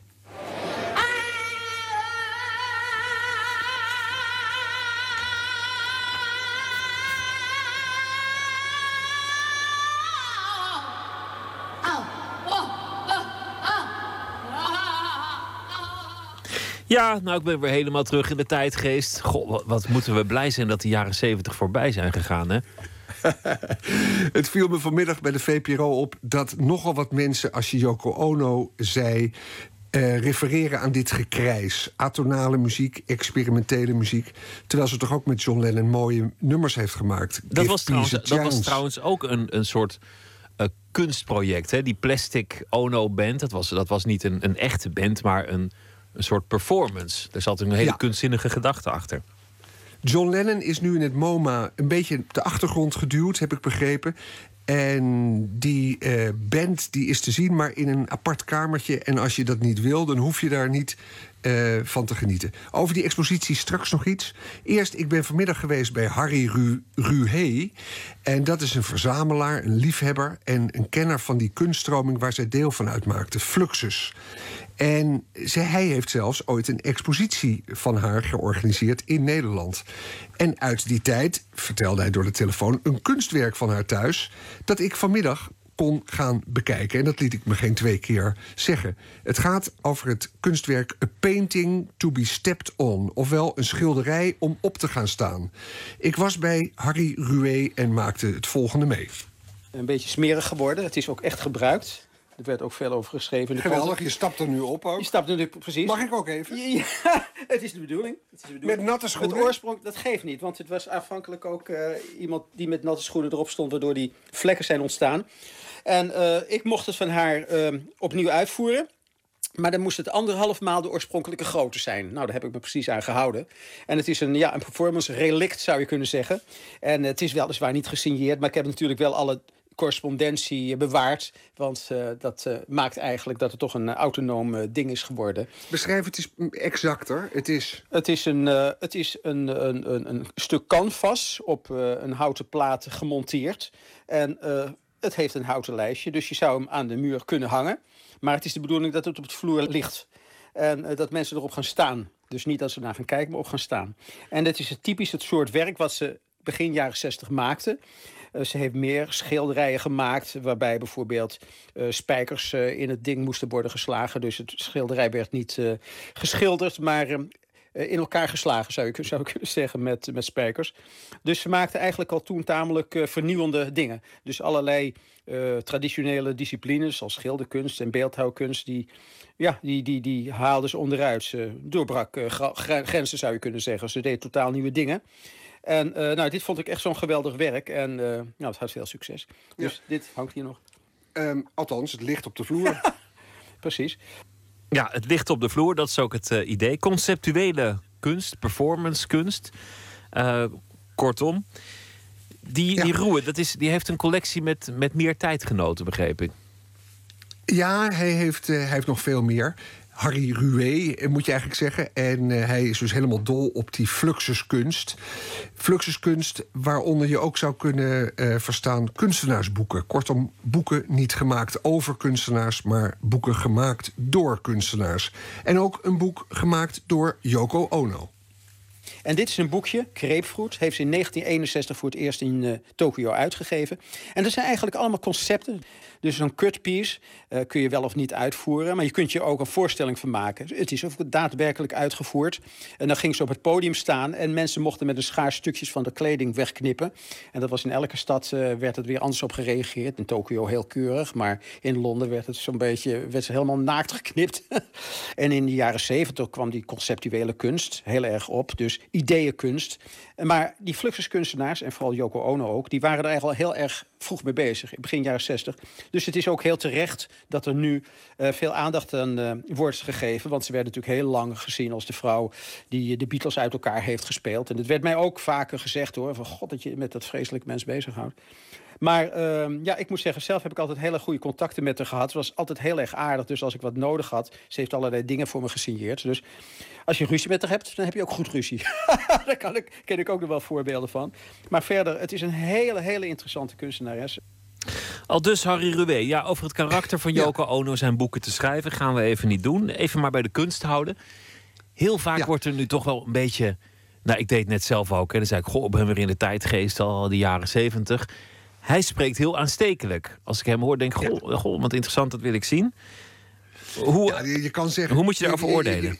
Hoe moet je daarover oordelen? Het paste natuurlijk heel erg in die tijd. Misschien een reactie op de suffe jaren 50. Dat alles anders moest en dat het heel opwindend was om allerlei tradities te doorbreken. En wat is daar nu nog van over? Ja, deze Rué die is een enorme fan. Dus misschien moeten we hem dan ook weer niet eh, helemaal als een objectief oordeel zien over Yoko Ono. Hij is een fan. Maar wat vindt bijvoorbeeld Sandra Heerma van Vos van NRC Handelsblad? Zij werkt aan een kritiek van de, eh, op deze expositie, want zij was erbij. Er was een zogeheten press preview afgelopen week in het MoMA. En komende donderdag in het cultureel supplement van NRC Handelsblad gaat ze haar bevindingen noteren. En voor Nooit meer slapen wilde ze alvast vertellen wat ze eigenlijk vond. Luister naar Sandra Heerma van Vos. Ik begrijp ook nog met terugwerkende kracht heel goed dat Ono's imago in de popgeschiedenis belazerd is en dat dat heel veel heeft overschaduwd. Ook haar eigen werk, waar ze altijd stug aan door is blijven gaan. Ze vond zichzelf ook een kunstenaarsduo met Lennon. Maar haal je dat nou allemaal weg, en dan kom je dus op het punt waar de tentoonstelling begint, 1960, dan blijft er een heel leuk speels geestig oeuvre over. Vooral denkoefeningen zijn het. Zoals niet een beeldend kunstenaar in de zin van dat er mooie, dat er heel veel moois te zien is. Maar er hangen een heleboel tekstwerken aan de muur. En die bevatten eigenlijk korte opdrachten aan jezelf. En ik vond het ontzettend leuk. Het is een soort uh, mindfulness avant la lettre. Maar dan met echt onzinnige dingen. Um, uh, sta op met een mantra. Herhaal dat mantra tot je weer gaat slapen. Um, ik heb daar enorm plezier gehad. En daarna was de persconferentie. En dan komt de hele... Ja, dan komt die roem weer terug. En dat is dan eigenlijk ergerlijk. Want er werden weer de meest stupide vragen gesteld natuurlijk aan mevrouw Ono. Ja, dat krijg je ervan als je met een, uh, een Beatle uh, trouwt. Hè? Of verliefd wordt op een Beatle. Nooit doen. Ja, maar dus eigenlijk is de slotconclusie van Sandra Heermer van Vos... dat zei ze later nog, dat zit niet op deze opname... wat toen heel controversieel was, is eigenlijk nu heel lief als je dat bekijkt. En er zitten hele leuke vondsten bij. En het is een plezier om daar rond te lopen in het MoMA in New York. Nou, wie in New York komt, en ik gun het iedereen... die uh, kan meteen even langs uh, Yoko Ono in het MoMA. Anton de Goede, dankjewel. Ja, goeienacht Pieter. Pap Staples, een legende. Hij was uh, nou ja, de vader van de familie en lid van de Staples Singers. Zijn dochter Mavis, die uh, toert nog steeds en maakt nog steeds uh, platen. We gaan luisteren naar een nummer van Pap Staples, Somebody Was Watching.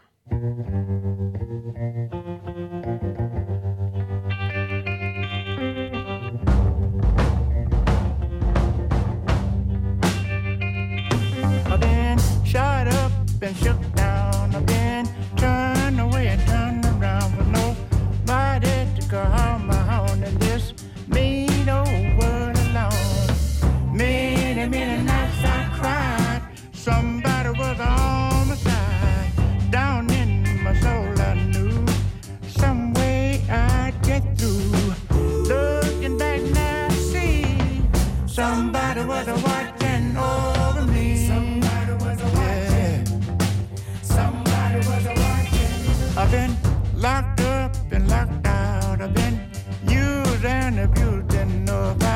was uptown or downtown. You know my life was so confused. I lived in a state of depression. Something saved me from my obsession.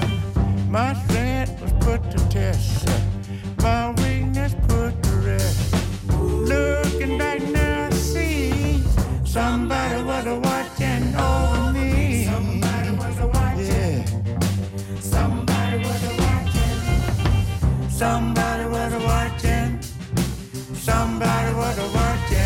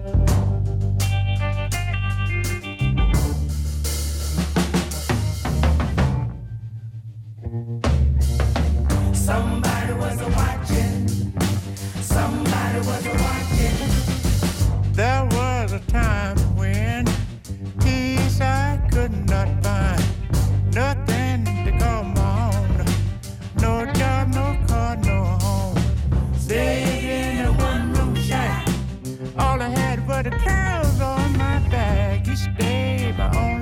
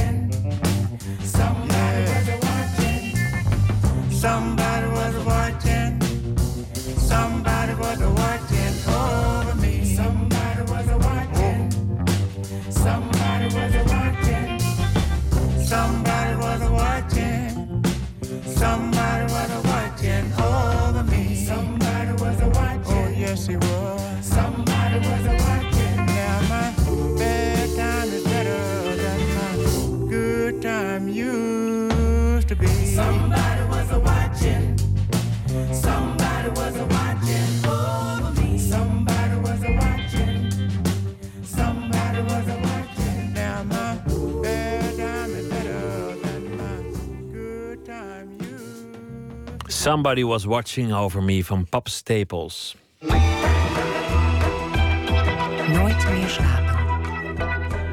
De beeldhouwwerken van Volkert Jong gaan over thema's als macht en dood. En ze zijn te vinden in collecties over de hele wereld. Hij maakt sculpturen van bouwmaterialen. Voor het eerst heeft hij zelf een tentoonstelling samengesteld. De groepsexpositie Manifesten. Te zien in Bergen, vlakbij zijn eigen geboorteplaats Egmond aan Zee. In Museum Kranenburg is zijn werk en dat van 14 anderen eh, te zien. Net als de kunstenaars die een eeuw geleden in Bergen woonden, gaat hij met een eigen manifest het gesprek aan over de plek van kunst in de samenleving. Verslaggever Nicole Terborg ging erop af en sprak de beeldhouwer. Dat was ook een van de redenen waarom ik hier eh, niet zo graag terug wilde komen eigenlijk met het, mijn werk. Om eh, mijn werk niet hier tentoon te stellen. Want ik dacht van ik wil niet weg, terugkomen naar de plek waar ik weggegaan ben, snap je? Maar ik dacht van toen ik dit prachtige muzie- die nieuwbouw zag, dacht ik van dit is net eigenlijk... Dat heeft zo'n internationale allure, zoals ik gewend ben als ik in New York ben of in Los Angeles, snap je? Toen dacht ik, dit is eigenlijk het moment. Dit is de goede plek nu waar ik mijn kunst eh, terug kan brengen naar de regio waar ik vandaan kom. En het liefste met gewoon een hele rugzak vol met eh, bagage en ervaringen. Niet alleen mijn eigen ervaringen, maar ook van anderen.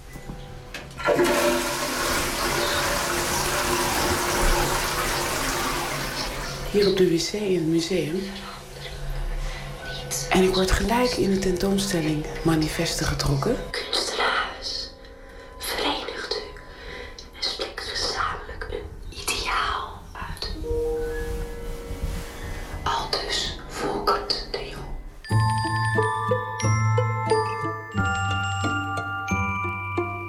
Standpunten over kunst klinken uit de geluidsboxen die op de wc hangen. Het zijn stellingen uit twee manifesten. De een is 100 jaar geleden geschreven door kunstenaar Piet van Wijngaard, een van de grondleggers van kunstenaarsbeweging de Bergense School. En het andere manifest is van Volker de Jong, speciaal gemaakt voor deze expositie. Met mijn stelling wil ik eigenlijk, vraag ik me af eh, of het niet mogelijk zou zijn om kunst een veel actievere rol te laten spelen in de maatschappij. Ik heb zelf in mijn carrière ervaren dat dat mogelijk is. Dat kunst kan zoiets heftigs losmaken in mensen. Dat het iets kan veranderen ook in je ervaring van de realiteit buiten het museum, snap je? Je hebt het meegemaakt, vertel. Ik had bijvoorbeeld een tentoonstelling op eh, Park Avenue in New York. En eh, dat is midden in het, in het zakelijke district, zeg maar. En daar had ik een groot eh, kunstwerk gemaakt met soldaten. Die zaten op een soort museumbank. En daar kwamen regelmatig dus eh, zakenmensen met een aktentas naar mij, naar mij toe. En die zeiden van, are you the artist? En ik zei van, ja, oké. Ik, ik was een beetje terughoudend, wat die mensen vrij direct waren. En die, een van die mensen die zei bijvoorbeeld tegen mij van... mijn zoon die zit in de war in Irak, weet je wel. En dit werk, dat, dat gaf hem heel veel steun en support. En dacht ik van, dat is geweldig. Dat kunst zo eh, direct eh, impact kan hebben op iemands eh, dagelijks leven, snap je? Wat deed dat met jou, dat je zo contact had met de mensen die jouw kunst aanschouwden? Ja, dat, dat, dat gaf me een onprettig gevoel in de zin van dat, dat je natuurlijk ineens je staat, stelt jezelf als kunstenaar bloot. Je staat ineens voor je werk. Het werk staat niet ineens voor jou, maar je staat, ik, ik, snap je? Dus ik denk van ineens moet je direct verantwoordelijkheid nemen voor iets wat je creëert. En eh, dat gaf me eigenlijk wel een goed gevoel. Dat ik dacht van door direct naar voren te stappen, kan ik zelf ook eh, een rol spelen samen met mijn kunst, snap je? Is niet alleen het kunst hetgene wat moet communiceren, maar ik als mens ook. En ik denk als dat op met elkaar kan, eh, als ik dat kan versterken, dan kun je als kunstenaar misschien veel meer bereiken dan alleen maar, zeg maar in een museale of institutionele veilige omgeving mensen even laten ontsnappen uit de realiteit. Ik heb liever dat, eh, dat de realiteit en die kunst door elkaar heen gaan lopen.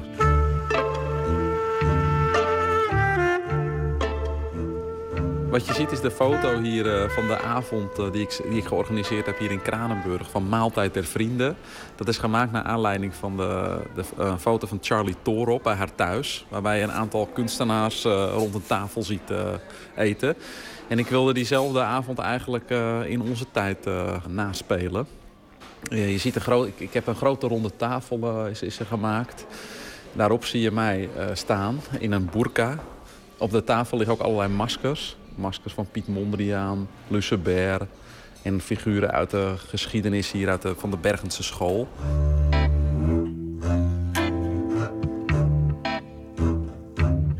De expositie is het werk te zien van onder meer de Bergense School... van kunstenaars uit de 20e eeuw die voortdurend discussieerden... over de plaats van kunst in de samenleving. En Volker de Jong ging als curator op zoek naar de hedendaagse variant. Zijn veertien geestverwanten, zoals hij ze noemt. Kunstenaars uit verschillende disciplines. Zo is er bijvoorbeeld ook een co-productie met de Vlaamse modeontwerper Walter van Berendonk te zien. Bij de selectie van de mensen die ik heb uitgenodigd voor deze tentoonstelling... eh hoefde ik niet lang na te denken. Er waren een aantal mensen waarbij ik meteen een soort van sterk gevoel had van... Hey, hun werk, dat inspireert, dat, dat, daar heb ik iets mee, zeg maar. Eigenlijk zie ik in die kunstenaars dat zij werk maken... Of, of de modeontwerper die mode maakt zoals ik dat ook zou willen gedaan hebben, zeg maar. En waar ik me mee identificeer en wat ik bewonder. En ook in iedere kunstenaar eh, die hier aan meedoet... eh, die belicht eigenlijk een facet eigenlijk van dat manifest van mij. Zoals bijvoorbeeld het werk hier waar, waar we bij staan... wa- wat ik gemaakt heb samen met Walter van Berendonk. Dat is een, eh, een portret eigenlijk van Walter van Berendonk. Zijn hele lichaam heb ik nagemaakt. En eh, de reden waarom ik dat gedaan heb... is dat hij zijn, zichzelf ook gebruikt in de logo van zijn eh, modelijn, zeg maar. En dat leek mij, vind ik interessant. Hoe hij zijn imago eigenlijk gebruikt in zijn werk. En hij is er ook niet vies van om echt politieke statements te maken op de catwalk in Parijs. Ja, geweldig. En vijf kan ik ook doen? Vier? Tien. Ik weet niet wat er dan gebeurt. Wat gebeurt hier, Volker? Nou, deze mevrouw die ligt hier dus op het werk van Emmeline de Mooi. En dat is een, eh, eigenlijk een, kunst, een kunstwerk wat je masseert.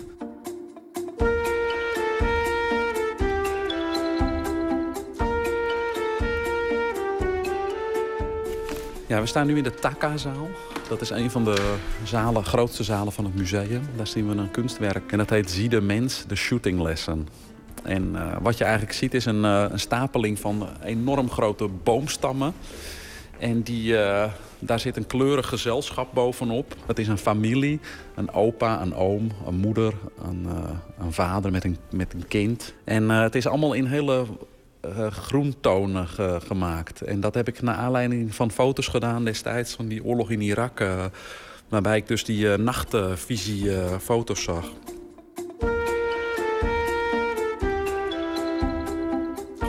Jij kiest ook altijd voor historische thema's in Ja. jouw werk, hè? Waarom? Ja, ik ben heel geïnteresseerd in geschiedenis en hoe ver we hebben geleerd eigenlijk van de geschiedenis. Hoe eh, geschiedenis zich herhaalt en waarvan wij in ons mensenleven eigenlijk denken van... hé, hey, dat is de eerste keer dat er, eh, dat er zich iets voltrekt. Maar ik denk van, dat zijn natuurlijk... Ja, de, de geschiedenis herhaalt zich keer op keer weer. En de mens die eh, leert daar niet van. Ik maak me zorgen over het feit dat, dat mensen blind zijn eigenlijk voor eh, herhaling van dingen uit de geschiedenis die zich opnieuw weer afspelen. Wat toch als basis altijd weer heeft, zeg maar, winstbejag en eh, zeg maar zelfverheerlijking en macht. Dat we dat niet zien. Of dat we dat niet willen zien. Omdat ik denk, uiteindelijk heeft het allemaal te maken met het feit dat we natuurlijk sterfelijk zijn. Dat is gewoon een pijnlijk besef dat op een gegeven moment het leven ophoudt. En ik denk, we willen het liefste dat gewoon verlengen met alle middelen die we tot onze beschikking hebben. En eh, ja, en ik denk van daardoor ben ik zo geïnteresseerd in dat eh, vergankelijke, zeg maar, in, dat, in mijn werk. Maar aan de andere kant denk ik van, daar moet ook hoop zijn. Daar moet wel ook iets in dat werk zijn wat je, denkt, wat je blij maakt, snap je? Of wat je tot een soort besef doet komen van, hé, hey, het kunst kan je helpen om je gewoon even op dat, boven dat menselijk drama uit te stijgen. Want dat moet wel iets van hoop zijn. Anders is het een behoorlijk eh, dramatisch, eh, de- deprimerend eh, kunstwerk, snap je? En ik denk van dat is niet mijn bedoeling als mens om alleen maar het drama te laten zien, maar ook dat er hoop is. En ik denk van Dus- juist eh, ja, door dat acceptabel te maken of inzichtelijk kun je ook zeggen van eh, je moet het accepteren dat we kwetsbare wezens zijn.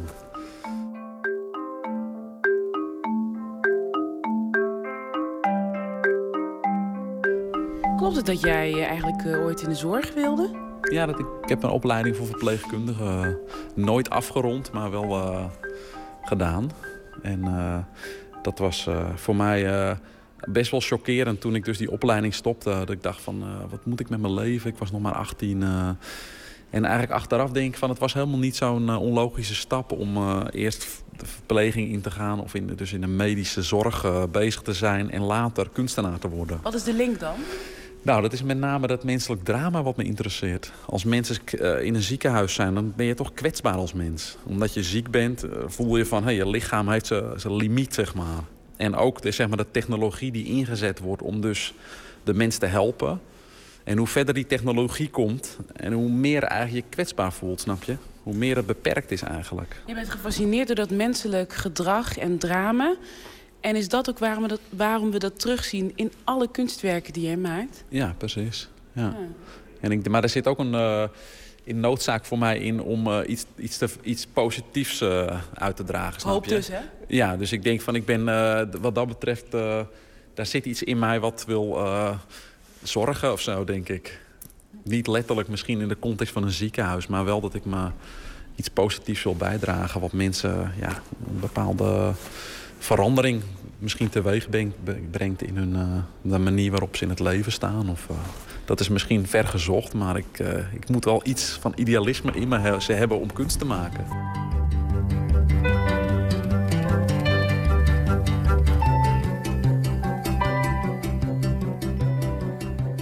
Manifesten, een tentoonstelling nog eh, te zien tot en met 30 augustus in Museum Kranenburg te Bergen. De Holy Drug Couple, een eh, groep uit Chili afkomstig, maar dat zou je toch niet zeggen als je naar de muziek luistert. Het klinkt namelijk eerder Frans en dan wel uit een andere tijd, de jaren 70 bijvoorbeeld. Moonlust is de titel van het eh, album. Het nummer heet Baby, I'm Going Away.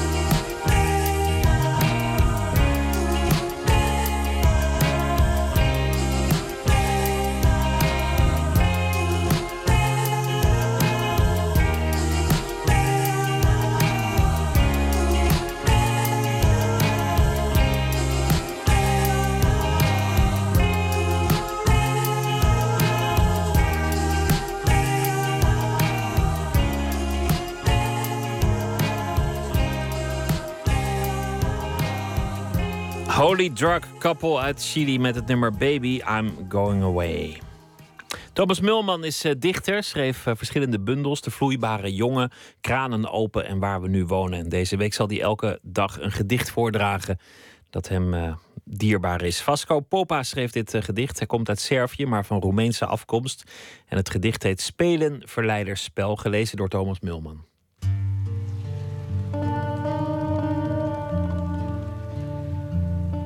Vasco Poppa is een, uh, of was, hij is intussen overleden, een dichter uit voormalig Joegoslavië. Die uh, uh, in de jaren, geloof ik, 70 een paar keer op het Poetry International in Rotterdam te gast is geweest. En waarvan eigenlijk maar een paar gedichten bij elkaar vertaald zijn in het Nederlands. Door Jana Beranova. Een van die gedichten kwam ik toen ik een jaar of tien was tegen in de bundel Ooit Gedicht een hele verzameling van gedichten... die uh, voor mij bijna een, introductie op de poëzie vormde destijds. Het stond bij mijn moeder in de boekenkast en um, ik vond het wel leuk. Ik ging er een beetje in bladeren en ik uh, knalde van de ene verbazing in de andere. Dat kwam vooral door een gedicht als uh, het gedicht Spelen... Verleiderspel van Vasco Poppa. De een streelt de stoelpoot, tot de stoel zich verroert. Een lief gebaard met zijn poot. De andere kust het sleutelgat, kust het als waanzinnig, tot het sleutelgat hem terugkust. Een derde staat terzijde, staart het tweetal aan, schudt zijn hoofd en schudt, tot het hoofd eraf valt. Een gedicht van eh, Vasco Popa, een Servische dichter van Romeinse afkomst. Voorgedragen door Thomas Mulman, die morgen weer een eh, gedicht zal voordragen. Morgen in Nooit meer slapen is de gast de Russisch-Vlaamse schrijver Alexander Skorobogatov. Hij eh, werd geboren in Wit-Rusland. En hij woonde later zo'n beetje zijn hele leven in Antwerpen. Hij heeft een nieuw boek geschreven, Portret van een onbekend meisje. Ik wens u voor nu een hele goede nacht. Morgen een leuke dag en graag weer tot dan. Straks op NPO Radio 1, de EO. Goeienacht.